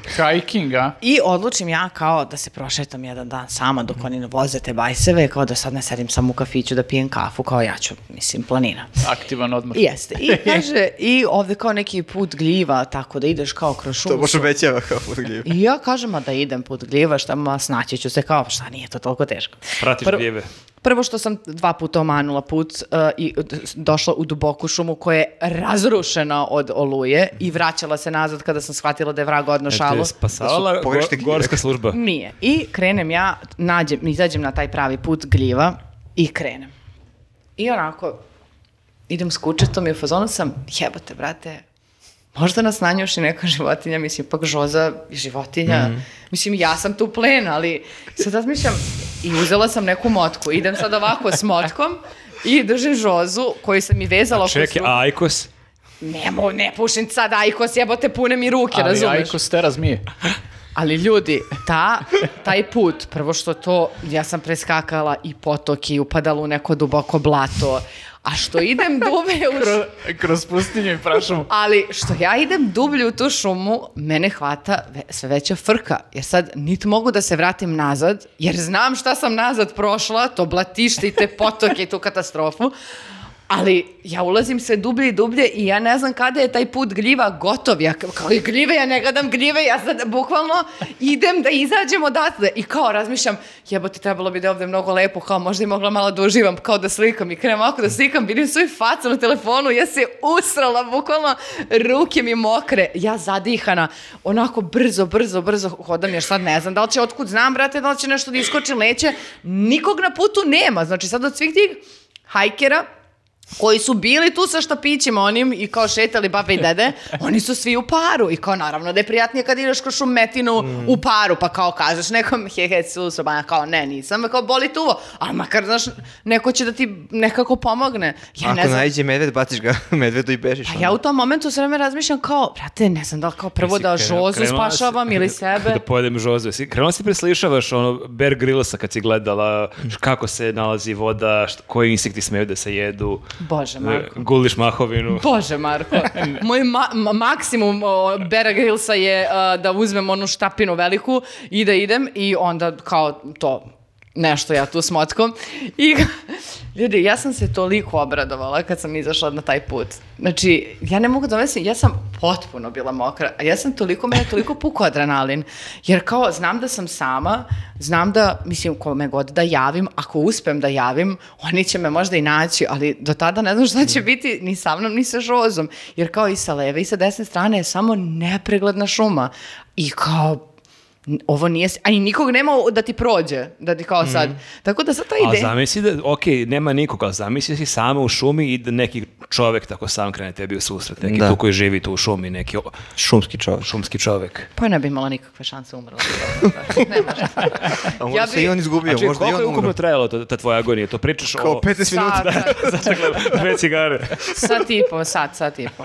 Mislim, zato što sam ja prvo dva puta omanula, pa sam se vraćala, pa kad sam izašla na taj pravi put gljiva, znaš, malo i stanem, zato ideš uzbrdo, mislim, pa provlačiš Tako je meni je se. bilo kad sam išao u Mali Mokri lug, kad sam ušao čoveč. Kad sam Ne. posle vidio bulevar, kad sam Šumskog ušao napolje, čoveka. maj- Ali sad, na, apropo sad šatora, razmišljam, znaš, kao ideš sad tim, i to, to su kao, ali ljudi, znači, najjače od svega je sad su to kao regularni putevi da ljudi šetaju svaki dan. Neka baba mi je rekla kao, malo je nezgodno, ali mi smo prošli malo pre. I ja sam bila u fazonu, brate, nemoj se brukaš, poglava žena, ono, vitalnije od tebe, Ta idi. baba može se rve s medvedom. Da, ali baba ima dedu, brate, a ja imam ono motku i kuću su tu u tom momentu i kao vrlo sam besna jer sad kao Medveda gađaš Jer žozu. nemaš dedu kao, ali bolje je možda otprilike, motka nego da. deda. E, jer deda vozi bajs, razumeš? I kao ja sad prolazim kroz to stranje sama i razmišljam, bože, i to kao, sami si sad kao neko kaže, pa evo uzmemo sad šatorči, kao stavimo s leve strane i kao spavamo. Tu smo, da. Ma ko da spava, Na jebote. navučeni je kafić. Bukvalno. Sediš, televizor, Treba- kafica, treba tako- aj- Ajkos. Treba tako i po šumama svuda po neki kafić da se napravi. Bukvalno. A, pa, To to Vesić radi. Da. ne znam, betonira samo svoje da neki može. kao, neki, uh, uh, ne znam, nešto da prosto se osjećaš sigurno, možda kao neki taster ako si u frci pa kao da pritisneš i... Na drvetu. Na veverici. Pa to kao cetač imaš ono pištalj koji onda kad to duneš i pojavi se neko da te zaštiti. Pa, e, e, priče gluposti, brate, ali idi sam, u stvari ti bolesniku trčeš sam kroz one šumetine, pa ti kao, ali opet Što je to trčiš. bolest? Zvedanska čekajte. šuma, realno, iako se izgubiš gde god ideš za četiri minuta si Izbićeš na nekom negde, putu. da. Da. Jeste, ovde, ni- ovde ne, mislim, posebno kad uđeš toliko duboko i vidiš sa svih strana samo drveće i niko da mi nije prošao, n- u s- ni, ni- mi je došao u susret, niti me je prošao, stvarno mi nije bilo sve jedno, tako da kad sam izašla, stvarno sam se osjećala kao jebena pobednica. Baš sam bila u fazonu carice jedna, šta si preživala. I više se nisam šetala. Da. po šumi. Znači, ti si baš imala dve ozbiljne Ovo je- ovo je agonije. baš bilo uzbudljivo. Tek je počeo avgust i već imaš dve ozbiljne agonije sa ovim letom. A Venerin hram Venerin i, hram i e, g- šuma. g- gljivi- I gljivice. zamisli, izgubi, Uzgljiva. izgubiš u šumi, lutaš i naletiš na venerin hram, a ono zapravo... Nema ga, prodavnica Marko, patika. Pa, ima ih ih svega deset na svetu, razumeš? drugi je na, Krk, Kopo- na pa on Koponiku. nikad- Jeste, jeste, jeste. Tako da, eto, to, to su moje opažanja što se tiče kopalnika, Mhm. pored skupih pića i limunade koje sam bila šokirana, nešto tipa košta 400 dinara limunada. Pa dobro, to ti kop. Pa ali E, ja pa sam bila pozna- treći put na kopu, nisam išla često i ti sad kao zimam jer ne skijam i kao Pe- šta... u perastu je 5 evra limunada. Znači 5 evra limunada čoveče. Ali perastu. A dobro, i ovo je Dobro, ali kop. opet okej. kop, limunada, da je pivo pa da kažeš ajde, ono, Da, da. more pa ali brate limunada. Ne, ne, Ko to potpuno sam pije se još šokirala. za To i pet kao evra? kafa 300 dinara, kao sedneš nije sezona. Pa da, mislim. dobro, to, je, to, s- to su kafi, kafići, mislim, ne znam sad da li se promenilo, ali imaš tu kao te neke forice, ima neki planinarski domovi gde možeš da Mm. sedneš isto da popiješ i da pojedeš nešto, gde su kao neke malo normalnije Vidiš cene. kako Nenad brani s- svoj kraj. Ne, ja Nije samo- Koponik, nije to skupo, to vredi Pazi, više. ja, ja sam tamo išao pre o x godina, ono, ono jednom, u ne znam koliko godina sam otišao posljednji put i, i, ovaj, e, za, zadesila nas je neka olučina i bilo je os, minus 18, ono, pokajao sam se što sam otišao, ali samo znam te neke tako male forice kao da... Peglo si šator na minus 18. E, nisam, ali smo... Dok se nisam- peglao am- grejao. ambiciozno, ambiciozno smo otišli da kum vozi, ovaj, eh, kako se zove, snowboard i da ja učim da vozim snowboard i ovaj, ništa od toga posebno nije bilo, ali smo na kraju otišli u taj neki planinarski dom i tu su kao neke normalne cene i kao tu smo neko vreme bili dok nije prošla oluja i Ja, vratili E, Da, kad se smo kući. kod Čena, sad sam bio u Makedoniji, kad smo išli sa Kefalonije u povratku, pozdrav za Kumanova, gdje je naš verni gledalac iz Kumanova, i spavao sam u Velesu, pivo je 2 evra u restoranu, koji je što kao onako fancy čovječe, 2 evra, piva sa duševija. Pa ka- dva To je meni- evra, 2 evra to kako u prodavnici pivo, če tamo Pa u to je restoranu, skuplje. veliko pivo 2 evra. za dva evra ne možeš da Ti koji kupiš je to pivo bila u ekstrana? prodavnici Pa u bukvalno, Hrvatskoj, ja mislim. Pa ne možeš, ne možeš da kupiš, ono u Grčkoj su piva, u limiti 2 evra u prodavnici, a ovdje u restoranu veliko pivo. Sedneš Rekao, kao brate. gospodin čovjek. Da i kaže Pa, pa, žena, rekao, eto. treba da radimo odavde, kupimo ovde stan, da radimo odavde, ovde se hranimo i pijemo. Rekao, to, je, to je plan. Ja sam potpuno u fazonu sad kad krenem na more, uh, pošto ja sam otkrila, i pre sam se stalno onako bila u fazonu, ma to kao ne nosi se hrana na plažu, ovo ono, mislim, naravno, jer sam, nisam imala pojma. I onda sam otkrila da je mnogo lepo, na primjer sad kad si u nekoj divljinčugi na nekim stenama, uh, nikad slađu tunjevinu i Pa jest. paradajz koji sam oprala u moru, nisam pojela. A, ne kupiš sad ti to ne znam koliko, ali čisto malo da prezaloguješ mnogo lepo, tako da sam u fazonu, to će biti moja ekskluziva, ono, ekskluzivni ručak. Ja sam nemite vidio po Hrvatskoj jedu burek ono, na klupi, onako, znači ne, ne večer u restoranu, nego jedu burek iz pekare, na, na plaži donesu, brate, nešto, neku kutiju ogromnu i vade hranu, mažu nutelu, mažu ono puter, prave sendvič i to je kao, a ona, kao, kad, Pa da, kad ali to rade naši, Mnogi to naši misle da smo mi otprilike Da, izmislili taj ali to paradajz ne, to turizam, rade, to rade znači, ljudi i to, je to sasvim- niko im i ništa to je ne kaže, sasvim da. legitimno. bukvalno. Pa mislim da, i s tim da ja stvarno neću da sad uh, da budem licimur, a, ja volim kad sam na moru da jedem more. Mnogo me to veseli i onda jako patim kad je mnogo skupo i ne mogu da ništa pojedem, ono, znaš kao eventualno mušlje i ako se neko smiluje da podelimo neke Ja sam to ribe smorio tanjir. prošle godine na Rabu i kao ajde, neću, nećemo svako večer ići na večeru, naravno, ali kao par puta ćemo sesti da neka to, riba, Mm. morski plodovi, svugde samo ćevapi, ćevapi, ćevapi. Da, I da. onda sam čuo da masa tih restorana drže bosanci i to su, dobri su ćevapi, Mm. ali opet kao pojedeš jedan put ćevape, neću i sutra ponovo na ćevape, na moru sam. Ne, ne, ne, Ili nema kad si na šanse. moru pa kao riba, ali smrznuta. Kao čoveče, more nam je tu i evo te kao, Da, da, da. mi smrznutu ribu, kao Upecajte ste nešto. realni, bukvalno. Radi bre nešto za te pare. Jel radiš ti čoveče? To je velike pare koje Bukvalno, plaćaju. Da, da, da, čoveče. A, dobro, dobro, dobro. Što Jel si- ćemo misliti da pređemo e, magiju montaže na ono što smo, se već desilo? Možemo samo da evo najavimo ljudima da, je- da, da dakle, ovo je uh, po- posljednji, ka- ovo su posljednji kadro- kadrovi i relaks, relaks rubrike. A, sada smo imali priliku da, dobili smo priliku od Plazme i Generalija da odem i pogledamo jedan a, divan kamper, A, tako da vi sad možete vidjeti kako smo se mi Neki od proveli. nas da ga malo provozaju. Da, Baš malo. Neki od nas koji ne znaju da voze. A, ja samo nadam da moje putno osiguranje, generalno generali osiguranje važi, na, pri- a bi mi važilo, bi mi, generali bi mi pokrio, na primjer, da sam upropasila Ne, kamper. ne, da oni čuju da ti nisi u Da, životu, Žive za to, bukvalno. nisi u životu sela za volan i uzela si da Jesam. učiš na kamperu, one bi to baš... Ja sam vozila od, pa- od, od, od Palića do Beograda, znači vozila sam da vam Stvarno? kažem. I kao, brate, generali, onda ja ako kupujem svaki put kad idem na odmor, mogu i oni sada mi pomognu ako sam možda nešto zajebala na kamperu. Ali da- nije zajebala ništa, nemojte da brinete sve. Nije, nije, u redu je kamper i ako budete učestvovali u nagradnoj igri, dobijate sve što vidite na ovom snimku osim nas, znači ceo kamper.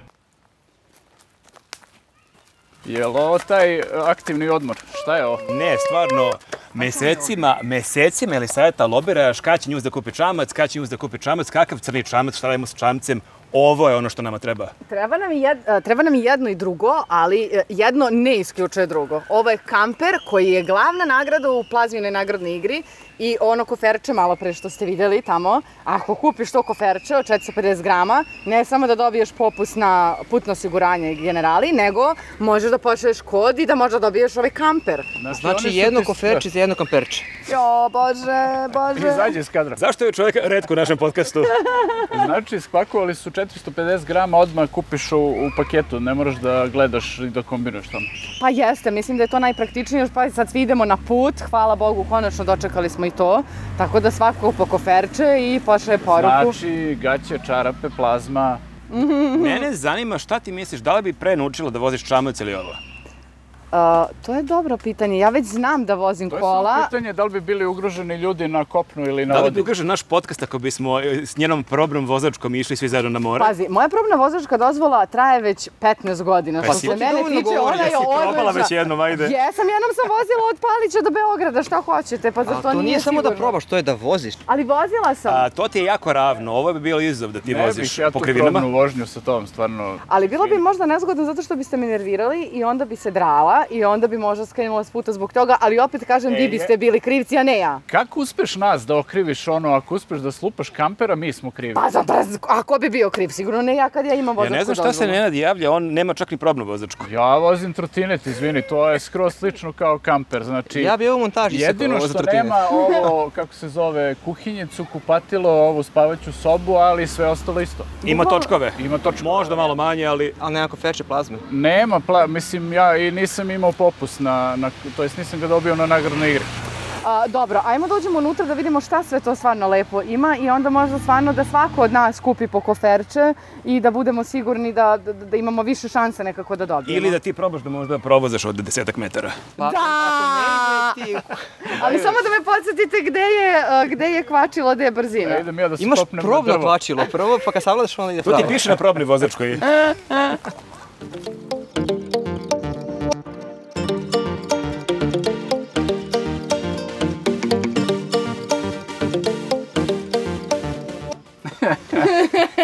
Ali nemojte da se smete, znate šta je dobro, ako imamo ove koferčiće, onda imate i putno osigurane generali i onda nekako možete da budete sigurni da... E, da, kad se vozimo sa tobom, stvarno nam treba sigurno. Ti si ladno sela tu da, za- na mesto vozača. Jeste, ja ću upaliti kombi, e, kamper.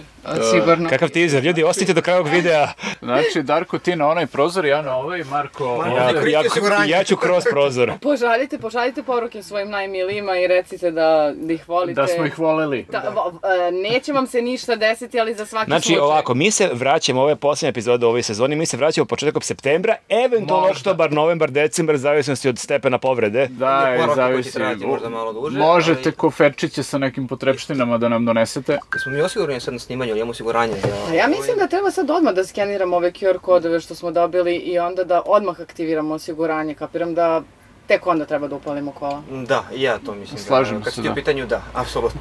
Dobro, ali sad ćemo da probamo, da probamo jednom, Da hoćete? skeniramo ili da ti voziš? A čekaj, postoje ono CJ, postoje neke one efekti, na to može se radi sve kompjuterski. Jeste, stvarno da teka probamo. može da odradi i to, ali možda... Da, možemo da napravimo to kao specijalni Ljudi, efekti vožnje. Ljudi, verujte mi, ja znam šta radim. To su bile i njene posljednje reči. Zvučiš vrlo verljivo. E, pazi sad, ovo, ovako, znači mogu kao pravi vozač da imam ovaj uh, Sad si peškir. baš kamionđi. Sad si totalno vozač. Da, probni vozač. E, ali moramo da podsjetimo, znači imat ćemo u petak, ovo izlazi u sredu, imat ćemo u petak a, jedan a, giveaway a, na našoj Instagram stranici, uh, gde možete da dobijete pa, jedan paketić, da ima ova majica i ovaj peškir koji ću ja, boga mi, da ponesem na more, i o, ove, ovaj cegir. Da, da izgleda to ako kao pravi vozač, kao ili To, toliko si profi, tebe sad policija da zaustavi, ne bi uopšte tražili vozačku saobraćenu video da si vozač. Ja ti apsolutno Da, čim kažem... nosiš peškir, tako da. Ja mislim da bukvalno svi ljudi više veruju u mene od vas kada je u pitanju vožnja. Pa mi te poznajemo bolje od tih ljudi koji ne samo gledaju. Još ako imaš onu ciglu za gas, ko oni turski kamionđije što koriste, to je to. Nemate pojma, pustite me, čekaj. Ajde, pali makinu. Ti nemaš pojma, mislim, ove priče, ali dobro. Ajde. O! Magija. Dobro si, dobro si.